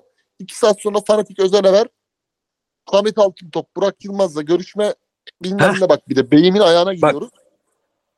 Abi bu rahatlık oradan Sana geliyor bırakayım işte. abi ben hakikaten sinirlenmeye başladım. Gene sana bırakayım. Yok bak oradan geliyor. Dedin ya seni hiçbir kulüp almaz falan böyle yapma yaparsan nasıl olacak? Açıklamaların içinde de pişmanlık duymuyorum falan diyor mesela. Duymazlar abi çünkü biliyorlar bir yerden çıkacak. Hiçbir şey olmazsa işte bütün fut, Türkiye'nin futbolunun emanet edildiği adam şöyle bir ortamda bile eski takım arkadaşını arayıp gel sana işte U19 verelim, U bilmem ne verelim veya Montella'nın yardımcılığını tekrar teklif edelim falan diyecek. Çünkü bu ülkede e, hata bazı insanların eğer pozisyonun güçlüyse senin hatan cezalandırılmayacak. Hatanın cezalandırılmayacağını biliyorsan buna da devam edersin. Bunları yapmaya devam edersin. Pişmanlık duymuyorum dersin. Kos, koskoca Beşiktaş'tan keş, keşke gelmeseydim falan diye bahsedersin. İşte yani mesela geçen haftaki açıklamaların içinde elimi taşın altına soktum geldim vardı. Bu, bu sefer de bunu şeyle destekliyor. Keşke gelmeseydimle destekliyor. Çünkü Tabii, tabii, Beşiktaş Evet. Beşiktaş bulamazdı teknik direktör. Hayatında teknik direktörlük adına hiçbir şey yapmamış 38 yaşındaki birine muhtaçtı. Dünyaya böyle baktıklarını düşünüyorum. Herkes muhtaç Türk futbolu içinde. Belli başlı insanlar var. Onlara herkes muhtaç. İşte hiçbir şey olmazsa Hamit abi arar. Hamit abi gel seni şuraya koyayım der yani. Bir de tabii bu Hamit Altıntop dosyasına da bir gün gelelim. Bu Hamit Altıntop dosyası hep milli aralara denk geldiği için hani lig gündeminde Hamit Altıntop konuşacak halimiz yok. Ama bu Hamit Altıntoplar hani diyorlardı ya futbolu futbolu bilen adamlar yönetsin. Aa işte futbolu bilen adam yönetiyor. Stefan Kuntz skandalı bir. Yaşanan hadiseler. Silik zoruyla resmen gittik. İkinci de bu Burak Yılmazların yeniden o milli takım havuzuna e, çöreklenme durumları. İnanılmaz ya valla bu ülkede abi her şey olursa rezil olmasın diyorlar ya hakikaten doğru yani. O lafın her 5 senede bir güncellendiğini görüyoruz. Evet maalesef. Diyelim geçelim Galatasaray'a ufak ufak. Ben dediklerinizin tamamına katılıyorum. Siniriniz dahil. Okuduğumda Sen ne düşünüyorsun abi mesela abi benim yani ilgili? Burak Yılmaz bu saatten sonra ederse kendine eder ki kendine de ediyor. Yani ne kadar çok konuşursa o kadar kötü ama milli takım işi benim çok canım sıktı ya. Yani Montella'nın yardımcısı olmayı hak edecek bir teknik direktörlük, ikinci adamlık herhangi bir kariyeri olmayan bir hoca bence. Milli takım iyi gidiyorken yani herhangi bir eksiği yok gözüküyorken ne gerek var bu tarz bir atamaya anlamış değilim. Ya bu işin her işin siyaseti var. Yani biz şimdi bir YouTube kanalında yayın yapıyoruz. O ta, oranın da bir siyaseti var. İnsanlar oraya da uyum sağlamak zorunda anlıyorum. Ama bu siyaseti milli takımın bu kadar alet edilmesini anlayamıyorum. Yani abi. bazı insanların da ekstradan haklarını verelim. Oynattığı futbolu severiz, sevmeyiz. Çok iyi teknik direktörlerdir. O kadar iyi teknik direktörler değillerdir falan. Bunlar başka konu ama Recep Uçar, İlhan Palut, hatta büyük takımda oynamış olsa da Çağdaş Atan. Yani bazı insanlar bu ligde çok kıymetli teknik adamlar, futbol emekçileri var. Mesela bunlar en azından Recep Hoca'yla İlhan Palut e, mesela böyle günler geçirseler kimse bunları telefon etmeyeceklerini biliyoruz değil mi? Mutlaka var onların da bağlantıları şeyleri duyduğumuz şeyler var ama yani ne demek istediğimi anladınız abi. Böyle Evet, evet. adamların da kıymetini Tabii, tabii. bilmek lazım. Bir Aynen. de eliminasyon sistemine giriyorlar abi sanki değil mi? Hani cumartesi günü değinmeden olmaz. Çok güzel bir Paşa Kayseri maçı izledik mesela. Futbolun namına. Hani Premier Lig maçı olsa aynı saatte Premier Lig maçını değil de bunu izlerdik yine diye düşünüyorum. Aynı saatte denk gelse. Yani bu adamlar yaptıkları işin karşılığında belli bir rafine kitleden de ederi şekilde hak, hak ettiği şekilde ilgi görüyorlar yani. Kemal Özdeş'in de dönüp geldiği gelip Kasımpaşa'ya elinin dokunması. Yani gökten in- gökten indiğin zaman bu Galatasaray topçusu da olsa fark etmiyor. Yani Burak Yılmaz özelinde değil Selçuk İnan için de söylüyoruz yani. Selçuk İnan da bir yerlerde Paşa'da başladı. Oynattığı top hem Paşa yanlış takımda hem de oynattığı top beğenilmiyordu. Burak Yılmaz da öyle gökten inme hocalık işlerine girdi. Ama bir de dediğin gibi Hatay'dan başlayarak onu tozu toprağa yutmuş bir İlhan Palut var. Onunla olmuş olduğu bir Ümraniye'de dar bütçeyle bir şeyler yapmaya çalışan bir Recep Uçar var. Hani sistem bunları artık kendi kendine eliyor. Yani ki şeyde yanlış anlaşılmayalım. Türkiye'de belli bir noktaya ge- gelebilmek için ne kadar çalışırsan çalış belli başlı insanlarla bir ile şeyimin bağının olması gerekiyor. Bu hocaların da var bağı bak. Bi- Biliyoruz var mutlaka var zaten ama isteyiş böyle olduğu için var. Mesela abi Kemal Özdeş isteyen istediği kadar şeyle dalga geçsin. Sadece Paşa'da başarılı olmasıyla, Paşa'ya gelip gitmesiyle. O adam tırnaklarını kazıyarak yani ben 15 yaşındaydım Kemal Özdeş'in adı altyapılarda, U19'larda bilinirdi. Sonra işte yardımcılıklar, manisalar, gençler birlikleri falan filan. Bu adam tırnaklarını kazıya kazıya bu ülkede mesela bir sürü o tepeden inme dediğin o e, eski ünlü oyuncular var ya büyük takım görmüş oyuncular. Onların kariyeri boyunca oynatamayacağı futbolu bu adam bundan 4 sene önceki Kasımpaşa'sını oynattılar mesela. Öyle bir takımı çalıştıramayacak onları. Ama onlar her yere çok daha rahat şekilde gelirken böyle adamlar da böyle işte bir gün Göztepe'ye gidecek, bir gün Paşa'ya dönecek geri. Millet de şey yapacak, yine Paşa'ya özdeş gel- gelmiş şakası yapacak ki biz de yap- yapıyoruz o ayrı bir şey. Ama yani Türk futbolundaki doğal belki bir kas sistemi var. Bayağı bir kas sistemi var. Ondan nemalananlar, en üst tepesinde olanlar kıymetini bilseler bunun biz bu konuşmaları yapmayız. Yani ayrıcalığının kıymetini bil ya. Yani bir de üstüne mağdur oluyorsunuz. Sürekli mağdur oluyorsunuz. Sürekli ben 38 yaşındayım. Ben 8 yaşından beri belli bir oyuncu grubunun mağduriyetlerini dinliyorum. Ne kadar Türk milletinin onlara veya Türk futbolunun onların hakkını vermediğini falan dinliyorum. Katılıyorum. Ee, biraz da esas sinirim, esas sinirim bozan da o biraz. Diyelim Hatay Galatasaray'a geçelim. Ya ben Galatasaray'ı e, özellikle ya 2-1'e kadarki Galatasaray'ı geri düşene kadarki Galatasaray'ı beğendim. Çok Twitter'a falan da bakmıyordum maç izlerken. Ee, biraz 2-1'den sonraki tepkileri haklı. O zamana kadarkileri de haksız buldum. E, Hatay Spor e, Volkan Hoca'nın zor yenilen formülüne devam etmiş. İşte atletik hücumcuları var. Atletik olmasına rağmen topu çok kaybetmeyen, topla oynamayı da bilen hücumcuları var. İyi de bir savunma kurgusu oturtmuş. Üçlüye, beşliye çok kasmamış. Kendi lige girdiği e, diziliş sistem üzerinden ufak tefek e, eklemelerle, çıkarmalarla eli yüzü düzgün bir top oynattı. E, Galatasaray zaten yorgundu ve e, açık konuşmak gerekirse biraz da rotasyon istiyordu kadro ama kadronun istemesi yani oyunun istemesi yetmez. Oyuncunun da istemesi gerekir. Bu oyuncular özellikle Icardi, Torreira falan belli ki oynamak istiyorlar. Ve hoca da oynattı, güvendi ve sonuçta bir mağlubiyet çıktı. Abi e, Kıyıcı Hocam bu sefer sizden başlayalım. Bu mağlubiyetin sebebi rotasyon mu yoksa Galatasaray'ın oyununda da bir sorun var mı? Şimdi tabii abi oyununda genel anlamda bir sorun var. Yok diyemem. Nasıl bir sorun var? Kendi gözlemim. Ee, Zaha Kerem'le ilgili mesela şey var. Kerem'in Zaha'nın varlığının özellikle Palace'daki temposuna hala erişememesi nedeniyle Kerem'le Icardi'nin ortaklığını bozduğunu e, Ziyech'in az önce Cengiz Ünder için söylediğim gibi fiziğin yoksa bu oyunda yoksun yani SOS veriyorsan belli bir süre bu kadar top kaybıyla oyuna e, belli diklilerini kırarsın gibi bir görüntüsü söz konusu.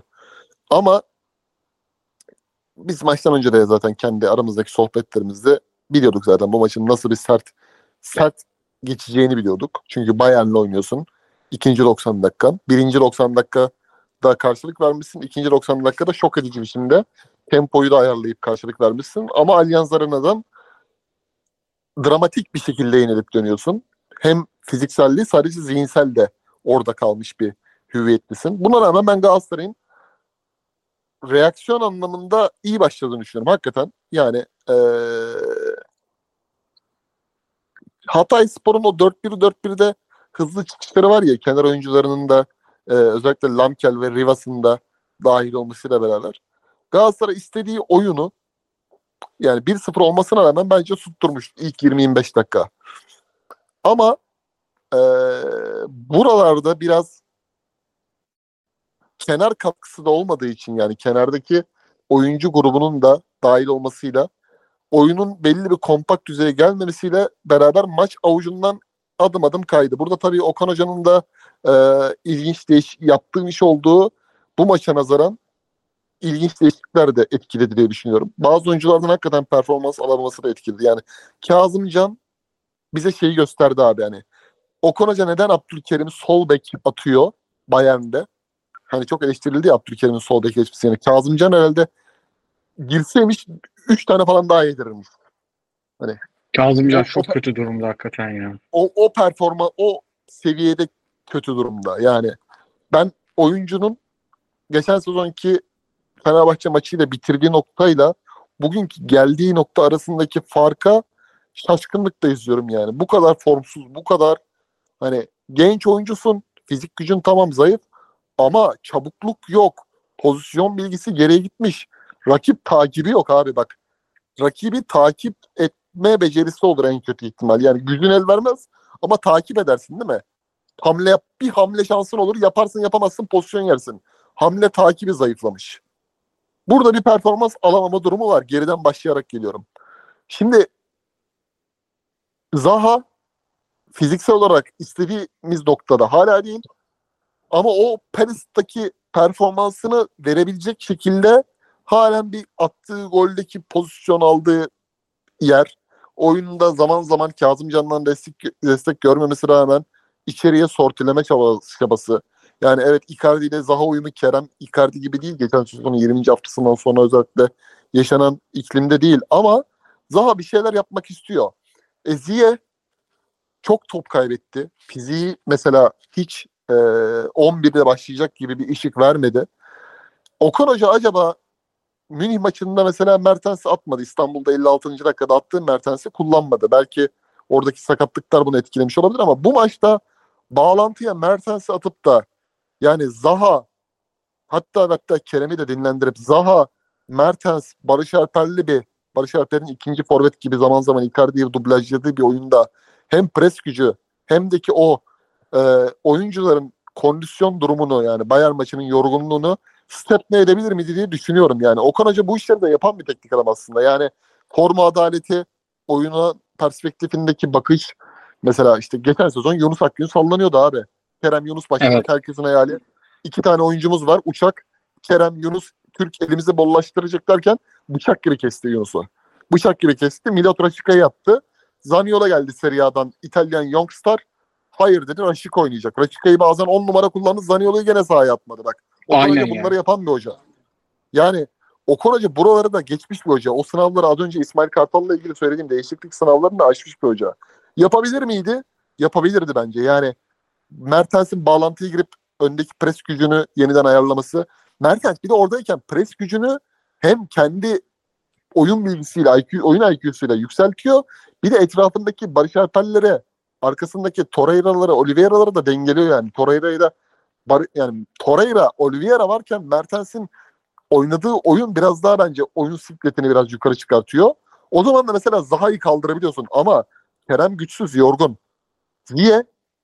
Top kaybı yapıyor. Hem güçsüz hem hala fizik kaliteye erişemedi. Yorgun. E Zaha o serbest oynamak zorunda. Onun oynadığı bölgede serbest oynamak zorunda. Arkadan destek alamıyor Kazımcan'da. Yani 3 oyuncu artı Icardi.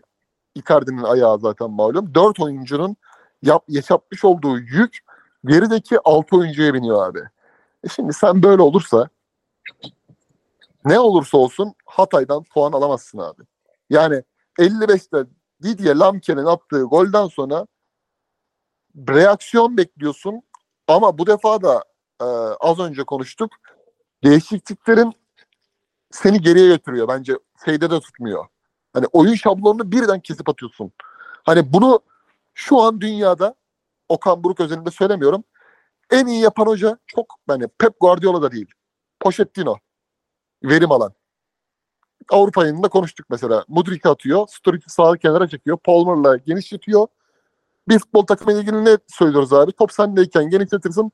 Top rakipteyken daraltırsın. Verim alabiliyor mesela. O bir sonuç alabiliyor oradaki bir değişiklikte. Şablonu değiştiriyor ama bir değişiklik ne kadar etki yapıyor. Ama biz dört oyuncu birden attık abi. Kaan Ayhan, Kazımcan, Barış Alper, Kerem Aktürkoğlu, Cedric Bakan bu Hakim Ziye, Mertens, Oliveira. Sonuç takım geriye gitti.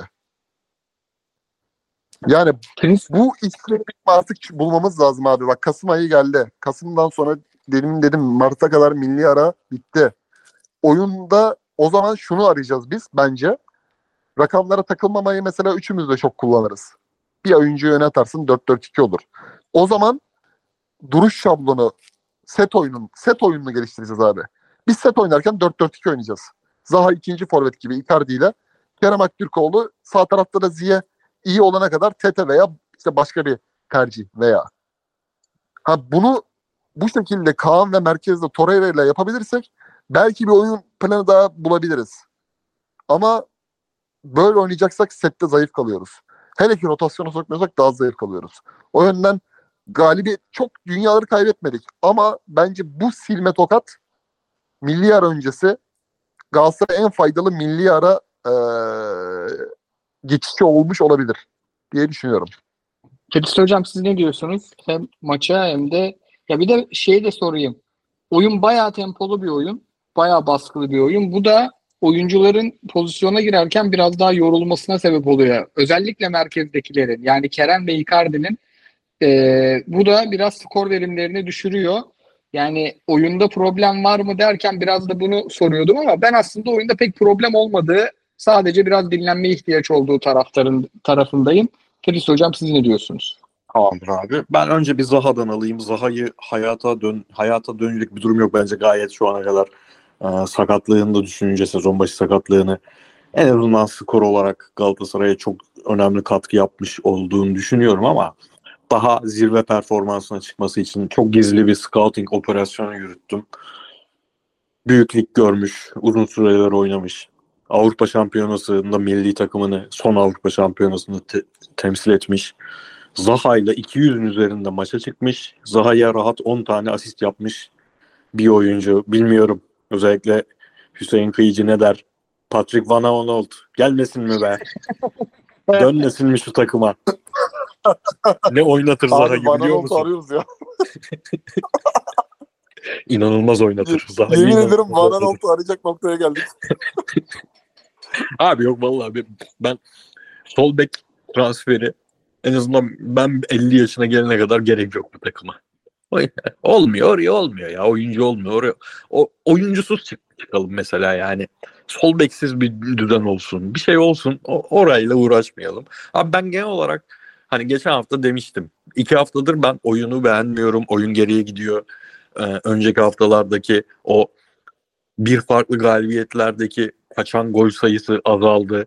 Yeterli pozisyon bulunmadığı için artık Galatasaray güç bela kazanıyor. Ligin başındaki maçlarda yeterli pozisyonu buluyordu, girmiyordu, kazanamıyordu. Son iki maçtır biraz geriledi oyun. Rize ve Kasımpaşa maçında. Burada da biraz daha o tarafa yakınım ama şöyle düşününce de Bayern Münih deplasmanı sonrası Hatay deplasmanı böyle bir e, kontekst içinde de olabilecek bence eli yüzü düzgün oyunlardan biriydi. Yeterli pozisyon çıkmamış olsa da ama net bence hani hocanın 11 tercihi de şeyi de e, değişiklik değişiklikleri söylemeye gerek yok zaten herkes farkında ama 11 tercihi de biraz arızalıydı bence bu takım e, bu Hatay için. Hatay çok bir şey oynamadı hani böyle maçlarda bazen acayip hocalıklar da görürüz. Çok bir şey de görmedik aslında. Tamamen bence Galatasaray'ın orta sahasını dağıtması, Hatay'ın da e, bulduklarını bitirmesiyle fiziksel gücü sayesinde halletti. Ya ben hep ne diyordum abi benim bu sene en takık olduğum konu ne? İlk Şampiyonlar Ligi maçı dönüşü, Kopenhag maçı dönüşü, Başakşehir maçı, sonraki iki maç yani bir tanesi çok kritikti. Sanırım Bayern Münih maçı dönüşü Rize maçıydı çok kritikti. Ben onların birinde bekliyordum puan kaybını. Bana deseler ki ligin 12 haftası oynanacak. Galatasaray Şampiyonlar Ligi oynarken ilk 4 maçını bitirmişken liderle kafa kafaya olacak. Eşit puanda olacak. Havada karada kapardım ben çünkü 4-5 puan geriye düşme olasılığını düşünüyordum. Şöyle bir 10 sene geriye gitsek Şampiyonlar Ligi oynayan her takım bir şekilde 7-8 puan geriye düşmüştür abi ligin buralarında. Yani belki bir tane istisna çıkar, iki tane istisna çıkar, üç tane çıkmaz. Ve Galatasaray'ın da kadro kalitesi sebebiyle Şampiyonlar Ligi maç, maçları bittiği andan itibaren önündeki takımı yakalayacak güce sahip olduğunu düşünüyordum. Bu geleneğe de sahip yani. Kaç tane sezon sayarız böyle 96'dan beri. O yüzden şu anki durum bence çok iyi.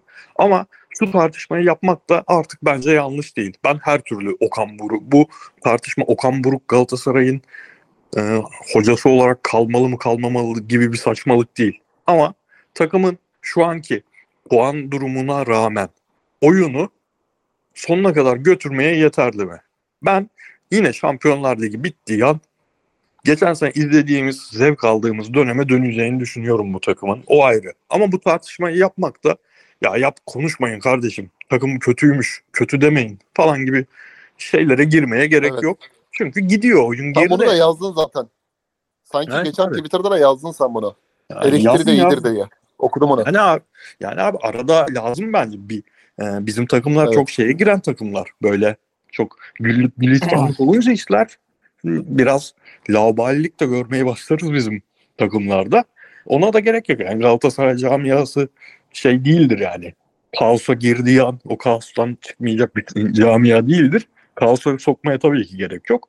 Ama işte dönüp dolaşıp şeyi hep sorgulayacağız abi. Lucas Torreira niye tek başına direnmek zorunda kalıyor böyle rakiplere karşı? Ya da e, Kasımpaşa gibi çok kırılgan bir savunması olan takıma karşı Kaan Ayhan'la çıkıyorken mesela o maçta Oliveira görsek ilk 11'de bence daha mantıklıydı. Çünkü o takımı açacak oyuncu Oliveira'ydı.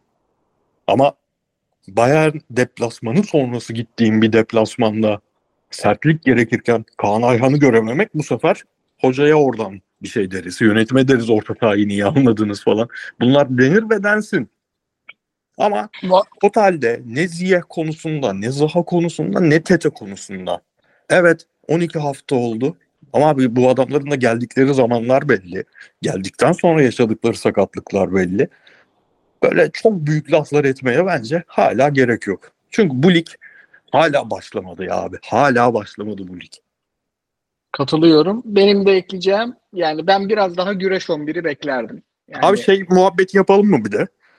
Şimdi şu an benim 3 gündür 4 gündür gö- gördüğüm muhabbet Kerem'in 10 numara oynaması. Kerem 10 numara oynadığı için artık skoru düştü diyen var. Hayır Kerem pozisyonları buluyor. Geçen sene bitiriyordu. Bitiremiyor bir problem yok di- diyenler var. Siz hangi taraftasınız? Ben Kerem'in 10 numara oynamadığını düşünüyorum ya. Kerem bildiğin ikinci forvet gibi oynuyor abi. 10 numara artık yani bayağı bir değişti şeyde. Ya tamam ya abi şey olarak düşün işte Santrafor'un arkasında yanındaki oyuncu olarak. Ya oradaki solda oynayıp oynamaması üzerinden konuşalım. Bence Sola dönmeli ben- mi Kerem? şu an benim sesim geliyor değil mi? Geliyor abi. Heh, çok çok pardon. Bir telefon yani ekran koruyucu girdi çıktı. Abi bence yani geçen hafta söylediğimle aynı yerdeyim ben.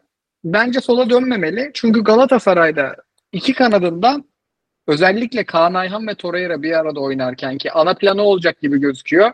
Galatasaray bence Salih Özcan'ın falan peşinde koşacak. Salih Özcan'ların, Emre Can'ların, Dortmund'un Şampiyonlar Ligi'ndeki hayallerine, hedeflerine göre böyle bir ya da Rıdvan Yılmaz artı bir tane e, 6 numaranın peşinde koşacak. Yeni 8 numarası Torreira olacak. Dinamik bir 8 numara. Bence Berkan da dönecek. 4 tane deve dişi sert orta sahası olacak Galatasaray'ın. Yani bu ne demek? Oyun kuruculuk işlerini biraz daha kanatlardan beklemek demek rakip sahadayken. Bu oyuncular topla çıkar savunmadan ama rakip sahada artık o kadar üretici yani Oliveira'nın, Kerem'in, Endombele'nin bekledik, onlardan beklediklerini bekleyemezsin. O zaman bu oyun kuruculuk işlerini kanat oyuncuları yapacak. Bunlar kim? Bunlar Zaha, Ziyech, Tete. Bu işleri görecek adamlar da bunlar. Yani artık Barış Alper'in de çok kanat oyunculuğu ıı, yaramayacak. E, o yüzden de oyun kuruculuk işlerini geçen sene kanatta iyi yapmış olabilir Kerem. Ama bu takımda daha fazlası gerekiyor. Kerem'in attığı koşuları atacak da artık orta sahası yok. Yani Kerem'in gol katkısını verecek bir 8 numarası yok. Dolayısıyla Kerem gibi skora yakın bir oyuncunun skora en yakın olduğu yerde oynaması lazım. O da ceza sahasının çevresi. Dolayısıyla yani çok faydacı bir şey. Bunun en az faydası Kerem olur. Ama Galatasaray'a faydası olur. Kerem yoksa da orada zaten santrfor karakterli bir oyuncunun oynaması gerekiyor artık. Forvet karakterli bir oyuncunun oynaması gerekiyor ve yerli olması gerekiyor. Varsa bildiği söylesin bunu diyenler. O yüzden de ben mevki değişikliğinin hiç kötü etkilediğini düşünmüyorum. Hatta yani Kerem'in inanılmaz bir uyum gösterdiğini düşünüyorum. Helal olsun o zaman. Evet ben de öyle düşünüyorum. Ben sadece şuna katılıyorum. E, Kerem'in bu roldeki performansını eleştirenlerde e, özellikle böyle maçlarda, Hatay tarzı maçlarda Kerem o kadar hızlı düşünüp şu an o pozisyonda alan olmadığı için o kararı hızlı şekilde veremiyor. Pas akışında bir sekteye uğrama durumu var. Çünkü Evet. sırtını taç çizgisine verip aldığı topta verdiği pasla iki hat arasında gezerken alıp verdiği pas arasında fark var. Pas hızı arasında fark var. Bu da yani o da ufak tefek bir şey değil yani çok etkiliyor. Böyle yüzde otuzlu oynayan takımlara karşı bu kadar derinde oynayan takımlara karşı çok etkiliyor. Ama yani şu karar verildikten sonra bunun olacağı barizdi. Yani biz Zaha'yı alacağız. Bu karar verildikten sonra artık bunun üzerinde yani Zaha orada oynayacak, o orada oynayacak. Biz hani şeyi daha çok umuyorduk. Bu o da çok kolay bir şey değil. Hani bunlar bir değişerek oynar. Oyun içinde de değişerek oynar. E o da çok yapboz değil sonuçta bu. O, hoca eliyle dokunup 10 dakika sen böyle oyna, 10 dakika sen böyle oyna yapacak durum yok. O da kolay bir şey değil. Ama hani tek ben yangın yapılsın da dediğim zaman da hoşlanmadığım türden bir yangın var bu ara. Ben mesela Berkan gitmesini istiyordum. En azından o şekilde gitmesin. 6 milyon verdiler aldılar onu ökeyim. Veya Yunus 8 milyon verdiler aldılar onu ökeyim ama böyle detaylarını bi- bilmediğimiz bonuslar bilmem nelerle bedavaya gidince oyuncular ben bir uyuz oluyorum. Ama yani bir şey çıktı. Gönderttiniz işte Berkan'ı Yunus'u. Abi Berkan zaten doğru düzgün oynamıyor. Yunus neredeyse her maç iki gol atan bir takımda sıfır golle oynuyor. Sıfır gol bir asistle oynuyor. Tamam Leicester çok iyi bir takım. Onun önün ön taraftaki oyuncuları Championship için çok iyi oyuncular. Ama en nihayetinde bir ikinci lig takımında ilk 11 oyuncusu olmamış bir oyuncunun Serie A'nın küme düşmeyi oynayan orta sıra takımında ilk 11 oyuncusu olmayan ve olmayacak oyunculara da bunu nasıl gönderirsiniz, şunu nasıl gönderirsiniz demek yerine mesela abi Barış niye daha çok süre almıyor falan desek daha mantıklı bence. Ben de şey ekleyeyim orada. Oyuncu bak bu oyuncuları Galatasaray göndermedi. Bu oyuncular gitti. O da. Berkan da şimdi Berkan'ın gördüğü tepki Kerem'in yıllardır gördüğü tepkiden çok değil. Yunus'un hiç çok değil. Yunus çünkü altyapıdan gelen oyuncu. Yunus ben mesela Yunus topu aldığımda çok mutlu oluyorum. Çok iyi oynamamasına rağmen. Çünkü hakikaten Yunus'un jenerasyonunu biz altyapıda izledik. Çok umut bağladığımız bir jenerasyondu. Biz genç takım maçlarını izliyoruz. Dolayısıyla kızamıyoruz oyunculara çok. Yani öyle bir şey var. Yunus'un etrafında yine ufak bir koruması var hiç olmazsa. Kerem de Barış da bunlardan çok ağırlarından geçtiler. Bu adamlar gitmedi. Onlar gitmek istedi gitti. İkisi de birer tercihtir. Ama Hakları da vardır. Yani Evet. mesela Berkan'ın yerine koyuyorum kendimi. Ben girip sosyal medyamda iki tane pası yanlış verdim diye küfürü yemek istemem mesela ben de. Ya diyelim ki küfür de etmiyorlar. Çok iyi davranıyorlar. Yine gitmek isteyebilir. Yine kendini Tabii, başka bir farklı. yerde denemek isteyebilir. Onu bilemem. Ama takım onlar gitti diye bu durumda değil yani. Bir o, ikincisi de ben bu yapılanın yani bu muamelenin işte Berkan gitti gördüğünüz falan filanın e, Barış'a, Kerem'e şu an orada kalan ve bu e, tepkilerde hala bu tepkiler hala maruz kalan yerlere saygısızlık olduğunu düşünüyorum. Kerem bilmiyor muydu abi geçen sene ilgilenen takımlar varken ben antrenmana çıkmıyorum deyip kendini bir yere kiralatmayı bilmiyor muydu bu çocuk yani?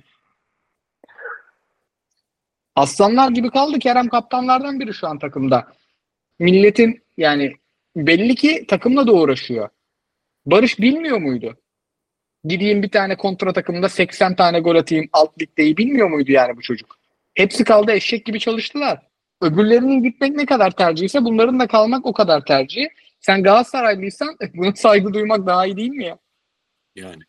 Abi ya bu konuda az önce Filis'in sorduğu Kerem mevki konusunda ben çok müthiş bir radikal e, Kerem'in hani bir şu var Kerem yok oldu bitti gibi genel Twitter eleştirilerinden çok farklı düşünüyorum.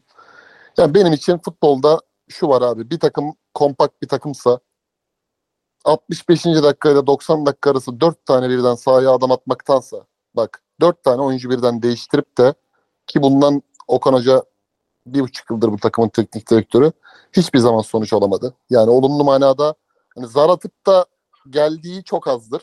Bu şekilde yani dört değişiklik birden. Hadi Kazımcan'ı saymıyorum. O zaten yerlerde oynadığı için oyundan çıktı.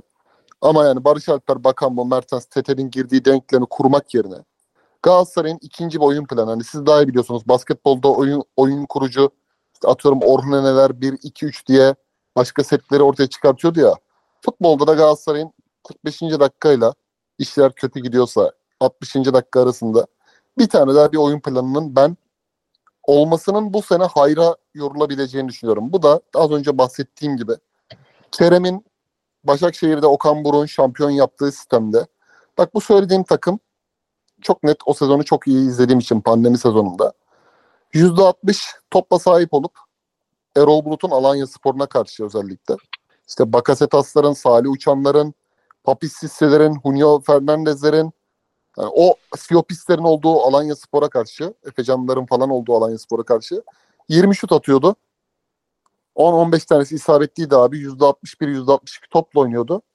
4-4-2 diziliyordu abi o takım. Visca, Mahmut İrfan. iki tane tutucu Mahmut İrfan. Sağ ön Visca, sol ön Alexic.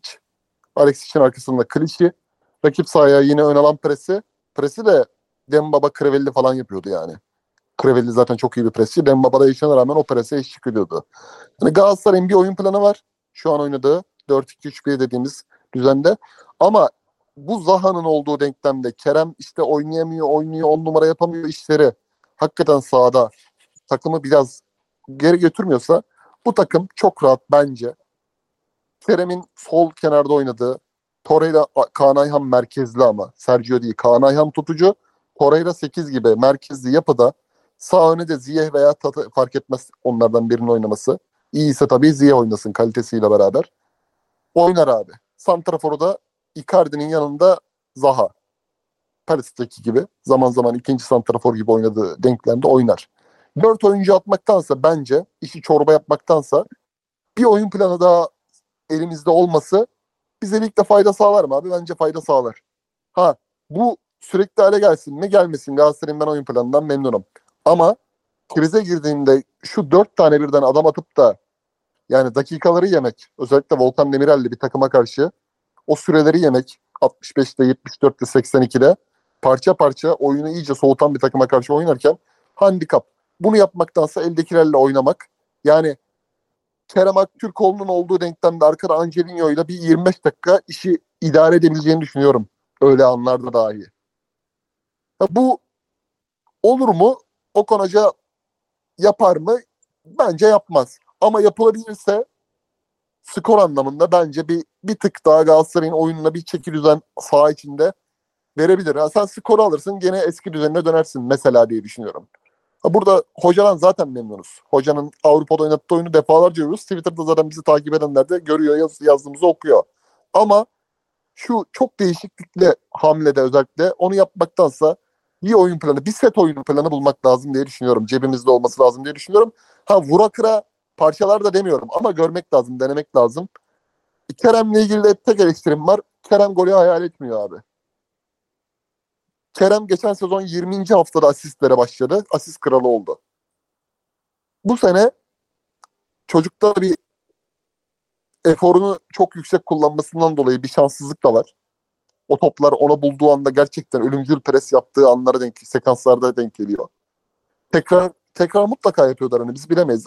Çok klasiktir o. Topçular idman bitiyor, basıyor AVM'ye gidiyor, gezmeye gidiyor. Böyle bir şey söyleyemeyiz bilmediğimiz için. Tekrar mutlaka yapıyordur ama o fırsatları gole dönüştürecek Bayern Münih maçları, Kopenhag maçları, işte e, Beşiktaş derbisinde denk gelen pozisyonlar bir türlü gol olmadı. Ya, olur mu? Kerem biraz daha böyle eforunu düzgün harcarsa golü ara gol, gol vuruşunu düşünüyor mesela. Orada şeyi anlıyorsun. Golün güzelini arama diyoruz ya. Golün güzelini arada oluyor. Tavana vurayım. Hani top ayağına gelmeden bir tane vardı ya Bayern maçında tavana vurayım diye vurdu. Aslında çok rahat. Kerem onu içeri klepslese gol. Mesela o işleri de bırakması gerekiyor diye düşünüyorum. Çünkü zaten o işlerin adamı değil Kerem. O işlerin adamı Ziye. Zaha. O golünü atacak abi. Lokomotiv Moskova maçında Fatih Hoca varken bir tane tıks diye girdi bıraktı ya köşeye Marsilya maçında falan. O tür işlerin adamı Kerem. Vuruşu da düzgün adam yani. Gol vuruşu da iyi olabilecek bir adam. Ama bu sene olmuyor. Olur mu? Bence olur. Hani bunu solda oynamış, on numara oynamış, ikinci forvet oynamış da bir alakası yok bence. Biraz eli ayağına dolanmayı bırakırsa çok daha iyi olur hatta. Çok düz mantık bir şey söyleyeceğim. Hiç bilimsel değil. Ya solda oynarken göz, gollerini gözümün önüne getirince hep daha çok adım üzerinden çekiyordu ya şutları. Şutu çekmeden önce o adımları atarken, topa koşuyu atarken nereye vuracağını düşünecek vakti oluyordu. Şimdi bu bu sezon kaçırdığı Icardi'nin arkasına geçtikten, yanına geçtikten sonra kaçırdığı golleri düşününce mesela Boya getiriyor. Orada bir ikiye bir oluyor. Boya orta kesiyor. O an hep tek adım üzerinde kalıyor. Çok düşünme vakti olmuyor, ölçme biçme vakti olmuyor. Aynen. Birazcık süre gerekiyor sanki Kerem'e o topu içeri sokabilmesi için. Tabii şeyde mesela abi çok iyi örneğe getirdin. United maçında Barış Alper'e gösteriyor parmağının ucuyla Aynen. önüme diye. Koşuyor Gol atıyor ondan sonra vuruyor. Tabii bak orada hayal ediyor. Az önce çok güzel asist yaptın bak şu an bana. Bak orada hayal ediyor abi. Gelirken hayal ediyor golü. Fener maçında attığı gol Evet. Icardi'nin tekte bırakıp da Zaray'ını patlattığı. Orada da mesela aynı vuruşu, aynı aynı tarz vuruş yapıyor mesela. Ama yayın orada geldiği zaman oradaki o dediğin gibi artık eli ayağına dolanması mı, golü böyle hani golün güzelini araması mı veya bir adımlama enerjisi mi ne olmuyor abi. Olmuyor. Olur olur ama olur diyelim. Aynen ya kilometreyle olur da kaç maçtır orada oynuyor. Diyelim Trabzon Konya'ya geçeyim mi hızla? Maça maça geçeceğim mi? Maç tam tahmin ettiğimiz bir. Abdullah Avcı maçı oldu yani. yani geçen hafta demiştik ki Trabzon çok iyi bir oyun çıkardı, çok iyi çalışmış ama %60-65 toplu oynayacağı bir maçta da görmek lazım. Pek bir şey göremedik. Derken onu Açun'un eee iki golünü gördük. İkinci golde Puşkaşlık bir gol. Abi bu yani milli aradan sonra da Trabzon bu şeyleri yaşar gibi geliyor bana. Sancıları yaşar. Bu bu sezonun sonuna doğru e, bahar aylarında çözülür gibi geliyor toplu oyun. Çünkü Trabzonspor yine bir video yayınladı. Orada mesela birçok oyuncunun topla yapabildiklerinden memnun değildi hoca. Direkt videoya da koymuşlar. E, basın toplantısında da Banya'ya çok sert girdi. Kritik hocam ne diyorsunuz? Trabzon'un e, beklediğimiz bu sınavına dair. Abi basın toplantısından alayım. Basın toplantısından ve sonra gelen videodan. Önce Twitter'da yaptığım şakayı yapayım. Hoca Trabzon resmi hesabını Netflix'e çevirdi. Yani admini asla olmak istemem Trabzonspor hesabının.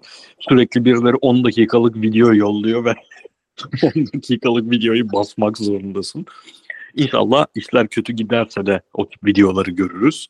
Önce onu söyleyeyim. Bania olayı Bania Fenerbahçe maçını mesela siz e, çok riskli hareketler de yaptığı için o kadar beğenmediğinizi söylediniz. Ben çok beğenmiştim. Ben bu sene Trabzonspor stoperleri içinde hatta son 2-3 senedir şampiyonluk senesindekiler de dahil stoperlik, kesicilik anlamında en beğendiğim oyuncularından biri. Olabilir. Ben beğenirim. Hocası beğenmez. Hocası farklı şeyler bekliyor olabilir. Ama ben abi kabul edemiyorum ya. Kendi futbolcunun hakkında basın toplantısında o tarz yani bir futbolcu ahlaksızlık yapmıyorsa, bir futbolcu e, senin e, antrenman düzenini bozacak işler yapmıyorsa, bir yeteneği yok diye, senin istediğin bir şeyi iyi yapamıyor diye böyle atılmamalı ve pozisyonu tekrar izledim sonrasında yok abi yani pozisyonda anlattığı şekilde olmuyor. En az suçlu insanlardan biri orada Bania ki suçlu da olabilir. Üstelik sen şöyle bir teknik direktörsün. Beşiktaş'a geldin. Beşiktaş'a aldırdığın bir sürü oyuncu tamam düşük bütçeliydi bilmem neydi.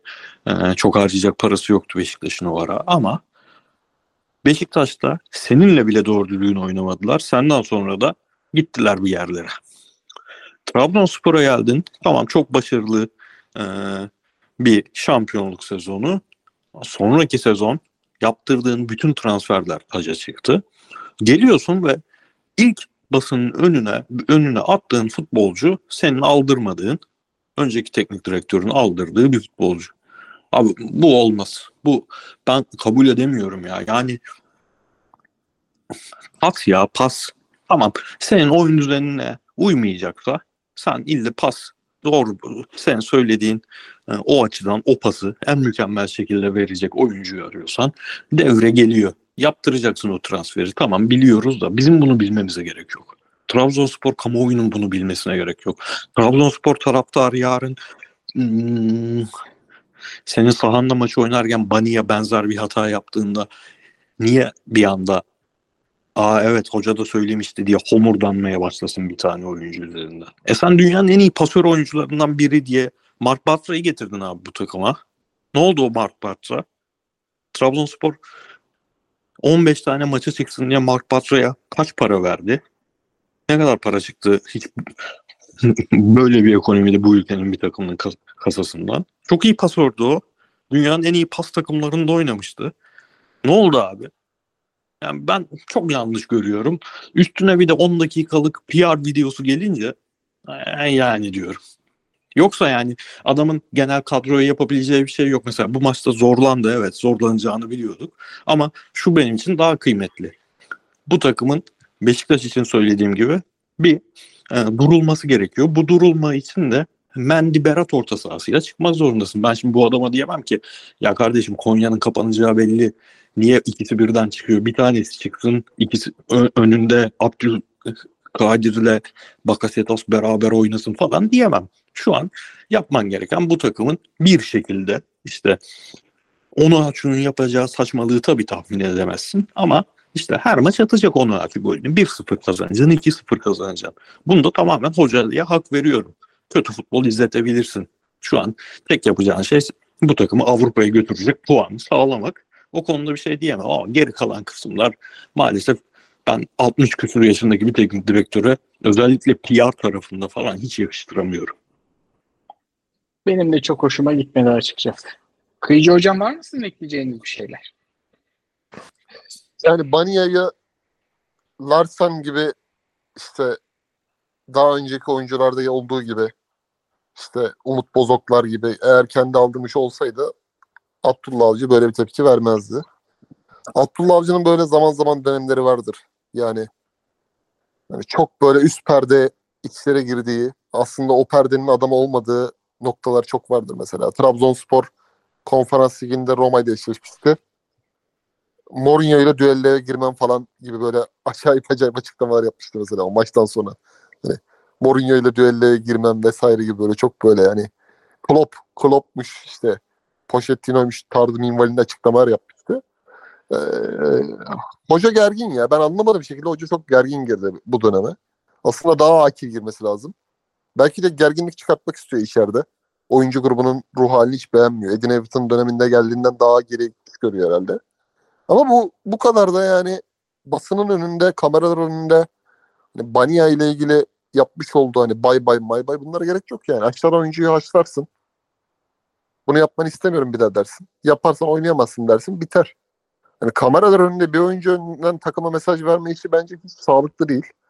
Abdullah Hoca'nın iletişimi de değil bu yani. Hani Abdullah Avcı'nın iletişimi de bu değil yani. Abi Abdullah geçen Avcı- hafta Samet için dediklerini hatırlıyor musun? Tabii tabii. Çok milli takımın stoperi üzüldüm Samet'e falan minvalinde Yani. Banya nerenin stoperi? Yani hiç hiç hiç ben o konuda e, yapmış olduğu çıkışı normal bulmadım. Banya 3 milyon euro topçu yani. Banya gitsin 3 milyon euro daha şuna veririz buna veririz diye bir yerli stoper de yok yani. Hani Banya'yı gönderelim tamam 3 milyon euro yansın Trabzonspor'un 3 milyon eurosu. Ama şunu alın diyeceğim bir adam da yok. Olsa da verecek para da yok zaten. Hani olsa da para yok yani. Ertuğrul Doğan hala eski borçları temizlemeye uğraşıyor. Geldiğinden beri göreve. Trabzonspor'da yani. O eski alan alacakları temizlemeye uğraşıyor. Getirdikleri oyuncular da yani şeyin oyuncuları. Hala onlar da gidecek. Bir turda onlar gidecek. Bak Tekliç Mekliç var. Fort, Fortnas falan var. Ee, taksi veriyor oyuncu videoda. Ee, Bielika'nın getirdiği oyuncular. E şimdi böyle bir iklimde elindeki oyuncuyu kazanmaya çalışacaksın. Senin oyununa uygun olmayabilir. Öğreterek, göstererek. Evet hani videoda diyor ya okul bahçesinde oynamıyoruz bu oyunu diyor. Ama hocam yani sen okulun bahçesinde oynamıyorsun ama bu, işlerin adamı da sen değilsin yani. Yani bir Mourinho Roma'da bunu yapıyor. Yani İbanez'i böyle aynı. Bu çöp diye atıyor mesela. Ama oraya bir tane oyuncu koyabiliyor. O bütçesi var. Onun yerine alabiliyor yani. Frankfurt'tan Endika'yı getiriyor mesela. Koyuyor oraya. Ama senin öyle bütçen yok. Hele şu an öyle bir alacağın oyuncu da yok yani. Şu an alsan kim alırsın abi? Kim alabilir yerli stoper? Kim var? Fenerbahçe Serdar Aziz'i gönderir. Alırsın. O da sakatlanır iki hafta sonra.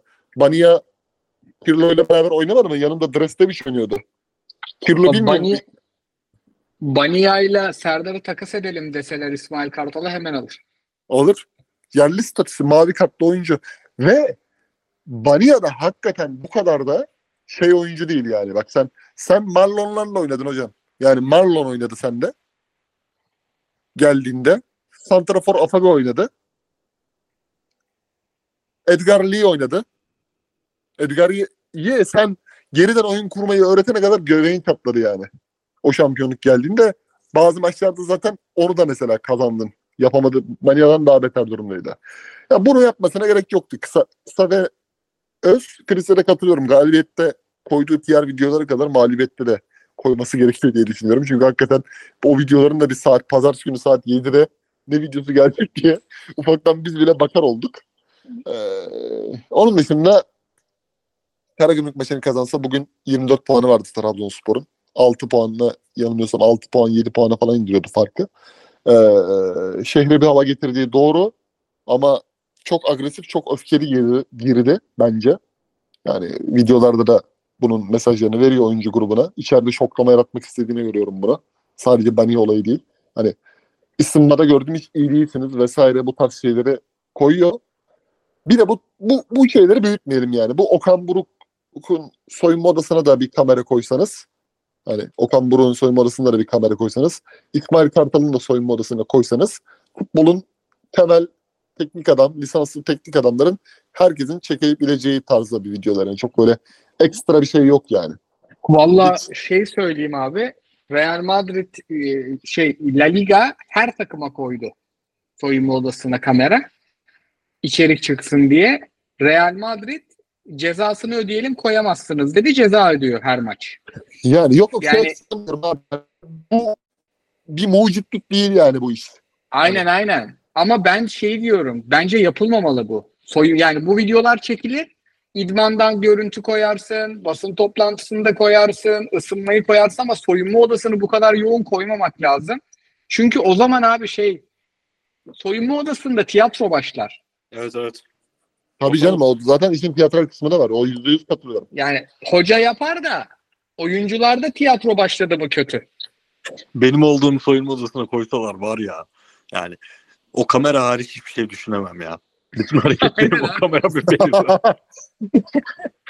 bir de bir de şöyle bir şey var. Hakikaten şey yapmış ya. Bence amacı da şu yani bu biraz tabii e, hayal ürünü ama herkesin kendi analiz ekibindeki defolarını millete gösterip oradaki e, defoların meydana gelmesiyle beraber herkese bir şey bırakıyor böyle. Andaç gibi bir şey bırakıyor. Bir hafta sonra o rakiple oynayacak. Yani Fenerbahçe ile başladı bu iş. Şimdi Konya Spor'la ilgili mesela Konya Spor'u videoda bir övdü. Ondan sonra açıklarını koydu mesela. Kesit kesit o 8 dakika 10 dakika öyle doldurdular Abi orayı. siz bayağı izlemişsiniz ya. Ben, ben Abi ben Ben kanalda izledim ya ben. Ben ben iki kere falan izledim o videoyu. Hani Oha. abi bak Konya ile ilgili mesela görün, sıralamaya bakmayın diyor. İyi bir takım diyor. Detaylar var. Şemada anlatmış şey vizyon üstünde anlatmış mesela orada analizci onları gösteriyor. Ee, atılan golde bir şey söylüyor mesela hani Pepe iki kere zorluyor. Birinci de gol olmuyor, ikinci de gol oluyor. Onu yakın yaptığı birinci golde Avcı'nın söylediği üzerinden yola çıkıyor mesela. Konya'nın merkez patlak mesela. Onu gösteriyorlar orada. Amacı biraz şey hani takımların defolarını biraz böyle e, iz bırakıp bir andaç yaratıp herkesi birbirine kırdırıp puan olarak yukarı yapmak kendine. Hani her hafta çünkü o rakip üzerinden o rakip kendine oradan bir şey çıkartmaya çalışıyor. Bir hesabı var bence o işte Abdullah Avcı'nın. Ki zaten hesap kitap adamıdır. İyi biliriz ki. Diyelim. Şeye ama bak bence şeye artık kariyerin bu noktasında ne kendisinin ne kamuoyunun ihtiyacı var. Abdullah Avcı içine aşık bir adam mı? İşine aşık bir adam. İşini iyi yapmak için her tür çalışkanlığı gösteren bir adam mı? Gösteren bir adam. İşte bıraksak şimdi Koray bize 20 dakika anlatır Bein Sports'ta nasıl titiz çalıştığını, nasıl sadece yorumculuk işini bile ne kadar ciddiye alarak yaptığını. Abi ama biliyoruz hocam biz sen zaten bu iş için yaşayan işine aşık bir adamsın. Siz kamera mevzunu konuşurken abi bu arada şimdi Beşiktaş'a bir hoca buldum. Soyunma odası şovuyla kendisini teknik direktör yapmış bir hoca. Ya oha harbi diyeceksiniz ya hadi siktir git diyeceksiniz. Veriyorum ismi Beşiktaş'a. Boşta. Jesse Marş. Haydi. Hasan Hasan Arat'ın görüşmüş olma ihtimali var bu hocayla bence. Abi Amerikalılık var, Almanlık var. İngiltere'de çalıştı. Yani Beşiktaş'ın bir bak. Bir senedir boşta bu adam. Vallahi Hasan Arat basketbolcu. Basketbol Federasyonu'na falan da e, yani yakın olduğunu biliyorum. Bu Amerikalılarla falan arası iyidir hocam. Abi düşünsene bir hafta Abdullah Hoca basıyor soyunma odasını bir hafta Jesse Marş basıyor. Kardeşim soyunma odasına kamera koyacaksanız Sergen Yalçın Alanya'ya. Şişme montu giyeceksiniz. Sigara paketini çıkaracaksınız abi. Koyacaksınız masaya. Ne diyor abi? Çağdaş Atan da vardı orada. Şey diyordu. Fe- Fener'i yendikten sonra olan video. bu. Evet evet. E, Sergen çok o Kıbrıs şiveli abi. Sergen çok sakinsin ya falan diye gazı vermeye çalışıyor. Sergen de şey diyor. Kardeşim ben üçüncülüğe oynuyorum. Adam küme düşmeyi oynuyor. Dizi Türk kumandası, parlament, kül tablası. Küller dökülmüş masaya. İnanılmaz ortam ya. Sigarayı atış çok iyi ya. Sigarayı atış, yakış. Düdükler. İnanılmaz bir adam. Her Hocam, hareketi olay hocam ya. bir takım Allah aşkına gel artık ya. Vallahi özledim ya. Millet diyecek ki Sergen PR'ımı yapıyorsun diyor bize Twitter'da ama gel bir takım al ya. Bir şey Beşiktaş'ı diyeyim mi? bitirdik, O da kapandı ya. Bir şey diyeyim mi? Yapıyorum. Sergen PR'ı yapıyorum. Görmek istiyorum. Başakşehir mi? Abi Başakşehir müthiş olur ama böyle paralı bir Anadolu takımında milleti öttürüşü de çok iyi olur onun ya. Aslında esas Alanya hocam o. Fatih Ay. Hoca çok Fatih Hoca çok çelebi kaldı Alanya'ya. O beach club'lara bir ad- öyle bir hoca lazım. Abi ben Hadi Kluivert iyi olsaydı Adana Demir de çok iyiydi de Balotelli var Evet. orada da ya. Ne? Abi Ba- Balotelli'ye kavgalı ya. Fatih Tekke için bir standart otur oturtalım. Fatih Hoca deyince kafa gidiyor. Tekke Hoca diyelim. Olur abi. Olur hatta oradan Anadolu'dan notları zıplayayım. John Josel'de inanılmaz bir gol attı.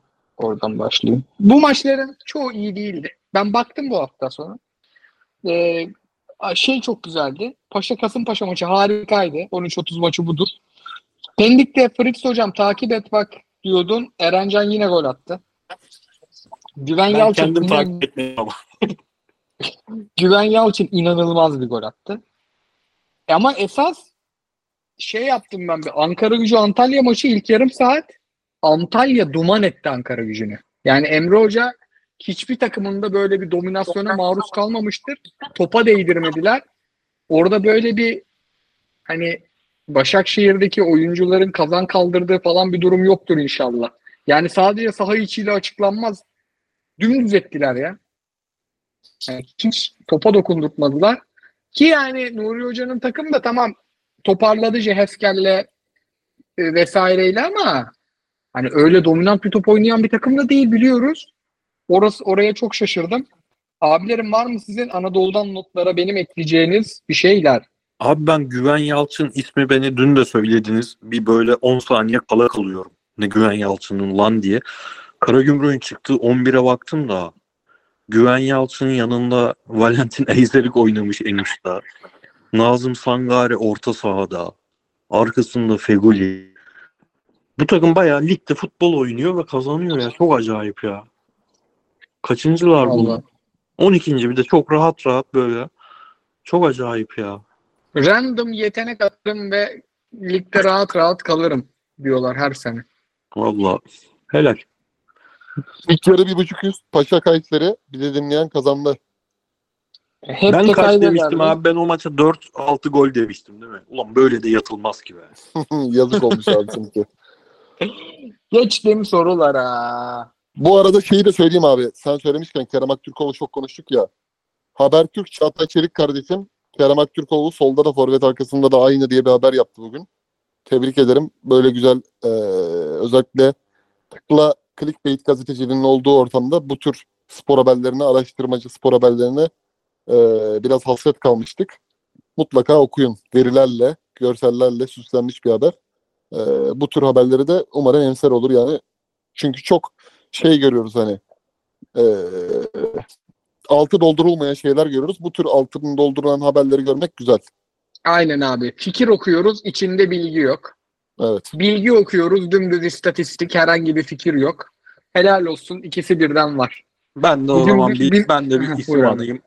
Çok bize her Türkiye'nin harbi dört bir yanından sağ olsunlar. Abiler şuraya gelirseniz beklerim, buraya gelirseniz beklerim. Ama hiç Köln'den mesaj almamıştık.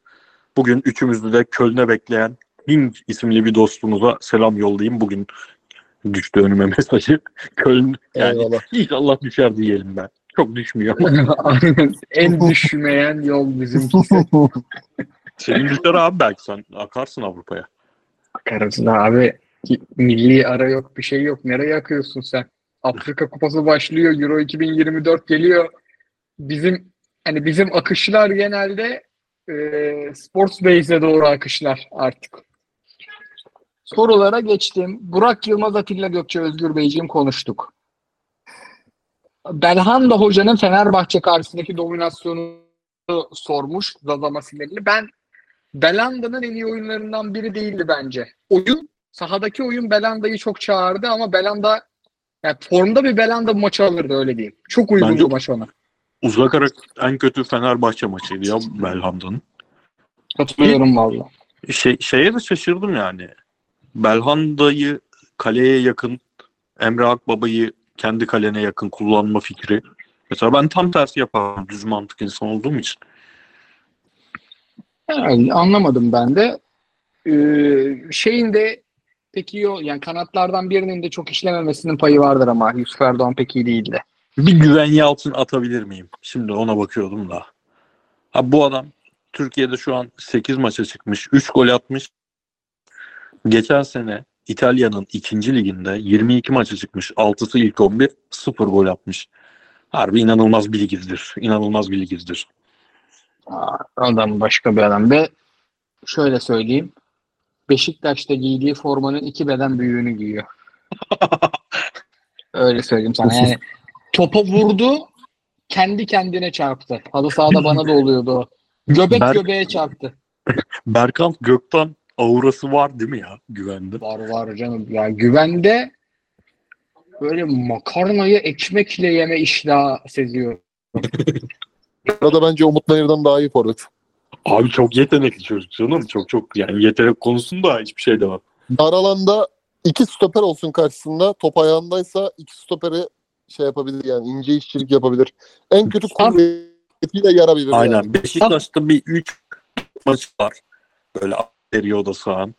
Aman Allah demiştim. Çok acayip bir şey bulmuş Beşiktaş. Saf futbolcuyu ikna ediyorsanız bence Muleka'dan da iyi. Oğlum, Bence bu arada Mehmet Yıldız kasaya.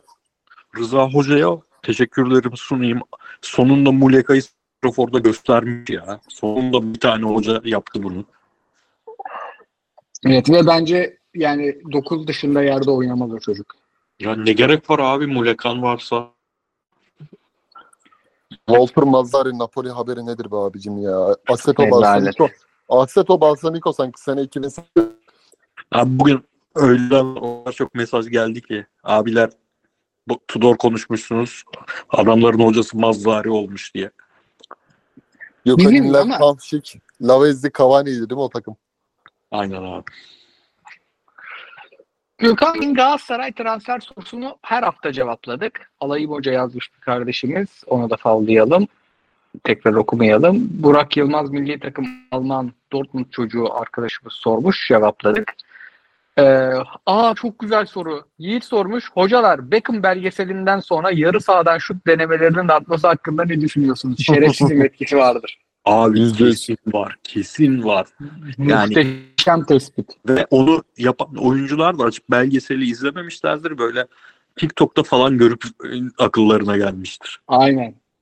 Oha ben de kapatırım lan buradan. Aynen. Denmiş ve uygulanmış. Bu hafta ne goller oldu be? Di Marco, Onaçu, John Joşalvi. Bir de şey Güven Yalçın. Grimaldo da güzeldi. Grimaldo. Grimaldo'nun işte. Ama yani en etkilendiğim açık ara Di Marco. Hayvan oğlu hayvan. Topu aldığında ilk iş kaleye bakıyor ya orada. Ee, bu nasıl nick? Abi K T T T E M R R Admutu Küfür sormuş. etmiş olabilir bu okuma istersen. Böyle bir nick. ya, yok yok. Tas oyunuyla ilgili onu da yanıtlamış olduk. Sevgiler diyelim. Çok fazla Selamlar. yani tanımadığım nick var. Ee, Galatasaray Hatay Spor he yok. Güzel soru. Ee, 17-18 Beşiktaş, 13-14 Galatasaray gibi bir böyle Şampiyonlar Ligi lig dengesini tutturamama sinyali verdi mi diye sormuş. Liver, Livorno Boca. Bence Yok abi vermedi. vermedi. Ya tabii ki li- lig farkı da o zamanki takımlar daha kaliteliydi falan konuşabiliriz ama özellikle ikinci sezonu o 2013-2014 sezonu Fatih Hoca'nın e, pardon 2012-2013 sezonu çok kötü bir sezondu bence. Şampiyon olundu ama yani çok o oynanan oyun sezon başı çok fena bir oyundu. Ben bununla yan yana koymam ne onu ne 2018'i ne 2019'u. Katılıyorum. Ee,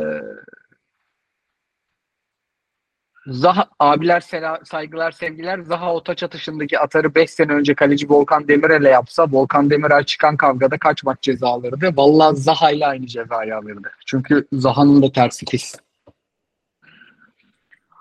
Kerem Aktürkoğlu'nu cevapladık. Dik uzun maratonum. Biraz Badu Endia'yı övebilir miyiz? Ya Badu da öyle anormal top oynamadı ki. Badu'nun- standart o sırtı dönük kendi kale e, ceza sahasının önünde alıp sırtı dönük çık- çıkmaya çalışıp kaptırdığı öyle toplar var ki aman Allah. Evet evet yani anormal ama onların bir önemli bir kısmını zemine de yoruyorum ben. Doğru abi. Top çok yamuk yumuk sekiyordu ya. Yerdeyken bile sekiyordu. Büyük uzun bir soru geliyor. İbrahim sormuş. Fatih Hoca da son döneminde son 10 dakikalarda arka arkaya 10 pas yapmadan akıl sonlandırmaya çalışıp süreyi yerdi. Orta saha çıkarır forvet atardı. İleride bazı hata bile olsa bir kıymeti olmuyor. Ee, sadece baskı değil biraz da pas oyunuyla mı baskı kursak demiş. E 8 numara arıyoruz ama 8 numaralara uygun bir oyun oynamıyoruz demiş. Yüksek nüfuzlu oyuncu aldık ama set oyununda kalite hala düşük. İlla Zaha mı solda? Önemli bir kısmını cevapladık ama şu 8 numarayı da size sorayım abi. Galatasaray Kerem Demirbay, Sergio Oliveira tipi oyuncu oynatma yani o oyuncuları arar mı sene boyunca? Ben artık o oyunun oynanmadığını düşünüyorum. Ben 8 numara alsa bile atıyorum prime bir 8 numara geldi. Sol bek için nasıl çözecek yerli kontenjanı varken onu düşünüyorum. Üçüncü Türk kim oynatacaksın abi? Kazımcan mı oynayacaksın mecbur? Ya bence bu sene Rıdvan çok maç oynamıyorsa Fenerbahçe'nin Cengiz'e 15'lik olduğu gibi bize bir Rıdvan Ya- 15'liği gözü görüyorum. Yani Abdülkerim, Kerem tamam. Kaan'ı çıkartacaksın 8 alırsan. Torreira'nın yanına 8'i koyacaksın. Sol bekte Angelino var. Okan Hoca belli ki planlarında yok. Oraya yeniden oyuncu bakacaksın. Türk sol bek yok doğru düzgün. Bir Rıdvan var dediğin gibi. O da Barış hiç kesemiyor. Nasıl gelecek? E şimdi kalecinin yabancıyken, Muslera'yken e, işte planlamanın takıldığın yer burası olacak yani. Ben sadece 8'i de düşünmüyorum artık. Sol bek kim oynatacaksın? Kazımcan çünkü hesap neydi abi? Kazımcan Arda Güler'i tuttuğu maçtaki gibi ortalama oynar, işini görür. Ee, ona göre yol alırsın. ya Bayağı şey bir olsa- orası bizi zorlayacak. aslında aradığı oyuncu şey Suat Serdar hepiniz izlemişizdir 3-5 maç. Salih Özcan. Bu tip adam arıyor. Abi Salih bilmiyorum ya yani fiziksel olarak bir tık daha seri adam lazım bize. Fazla ağır görünüyor bana. Öyle mi? Yani kurtarır kurtarmaz değil de yani aman böyle de çok halletsinler abi bir şekilde. Yani Fenerbahçe'de kaleyi Livakovic yaptıktan sonra 3 tane e, yerliyi düzenli oynatmak zorunda. Orada onlar da mesela çok iyi bir orta sahası. Onlar da lan orta sahayı aldık da ne yapacağız o zaman Mert'i mi atacağız sağ beke falan filan onları düşünmek. Her zaten bir tane rakibin var. Bir tane rakibin varken de artık ilk 15 hafta hocaya değil yönetme yazarım ben. Ama 15 haftadan sonra da böyle birlikte de ho- hoca artık üretecek çareyi. Şu an gelecek oyuncuları falan düşünmüyorum o açıdan da. İlkay Gündoğan'ı bekliyor herhalde. Ya İlkay'ın bu kontratı ne zaman abi? 2025 mi? Bakalım. İlkay'ın ko- İlkay'ın kontratla ilgili değil de bence biraz İlkay gitmek istediği zaman Barcelona'nın tutamaz gibi geliyor bana. Bana da İlkay bir seneyi doldurur. Gelecek sezon bir buçuk yıl 2025 yani abi. o zaman 24-25'te bitiyor tabii. 24'ün 2024'ün yani bu senenin Kasım'ından sonra İlkay'ın bir şeyleri başlar, sancıları başlar. İlkay'ı orada Galatasaray düşürebilir Ocak'ta. Yani 2025'in Ocağında falan İlkay'ı bir düşürebilir. Hiçbir duyum bilgi olmaksızın düşünüyorum. İlkay o zaman kaç yaşında olacak abi? 90 doğumluysa 34. 30 oynar. Suyunu sıkar ligin. Hamit Altıntop'un genç dönemi de öyle yükleydik ama Ama abi şimdi bu Barcelona işi herhalde şey dedi. Ya bir de orada oynayalım. Kariyere CV'ye Barça hazırlayalım. Ama herifin hiç sakatlık sorunu böyle eee çapraz bağları koptuğundan beri 2016 mıydı herhalde öyle bir şeydi. Bir sene oynayamadı çünkü City'de. Ondan sonra yani en fazla 10 gün 15 gün falandır yani. Ben size bir şey diyeyim mi? için- İlkay Gündoğan gelirse Kerem ya Kaan'ı değil Kerem Aktürkoğlu'nu keser. Yani hayvan gibi basan takım da abi orada 8 numara oynatmayız onu. 10 numara da öttürür. Solunda Zaha var, önünde Icardi var. Öyle paslar çıkarır ki. Tabii ben o Yani o- denklemde şey diyorum abi hani oradan Zaha'yı da bir buçuk yıllık görevini doldurup 3 yıl mı 2 yıl mı? 3 yıl. 3 abi. Zaha'yı da bir buçuk yıldan sonra veriyoruz Körfez'e. Yani Görevini yapıyoruz. doldurup demene. Adam inanılmaz bir adam ya. Usta Bu bir adam- yine teslim edeceğiz. neden Hakan Fidan gibi konuştu bu adam? Feci korkuttu beni ya. Abi Za Zaha'yı ne yapacağız abi? Bir şampiyonluk üstüne bir Şampiyonlar Ligi'nde derece. Ondan sonra zaten Zaha'da teklif var, şu var biraz şey yapar. Parasını da kazanır gider. Diyelim abi bütün soruları yanıtladık. Tantuni Davis'in Tadic sorusunu da yanıtlamışız. Gerçekten ikinci turu attım siz konuşurken. Cevaplamadığımız soru yok. Haftaya yok. Ee, Haftaya yokuz. Milli ara var. Bu hafta zaten iki bölümlük çektik yine. Bir saat 55 dakika. Aynen. Hep de kısa çekerdik. İki saate fixledik ya ilginç biçimde. Aynen abi. İş Normalde arttıkça 50 dakika 55 dakika diyorduk ama gündem yoğun kardeşim iki haftadır. hatırlıyor musunuz? Yani bu işte Euro 2024'ler işte bizim e, Tottiler, Messi'ler, Natspor falan yoğunlaştıkça bu podcast'in süresi azalır diye korkuyorduk. İş arttıkça süre artıyor. Biz bir saat 20 dakikada kapardık podcast. Buradan Saat. herkesi YouTube'a bekliyoruz artık. YouTube'da da Aynen. Pod, videomuz var. evet. Yorumları okuyoruz. Podcast'ten geldik. Yorumları çok mutlu ediyor. Aynen. Abilerim ağzınıza sağlık. Eyvallah abi. Aktı program. Önümüzdeki hafta yokuz. Sonraki hafta bir sürü güzel maç izleyip sizlerleyiz. Ee, ilginize çok teşekkür ederiz. Geçen hafta çarşamba günü yine birinci oluruz dedim. Yine birinci olduk. Ee, herkesin ilgisine sağlık diyelim. Abiler sizin de ağzınıza sağlık. Haftaya görüşmek üzere. Hoşçakalın. Görüşürüz. Haydi.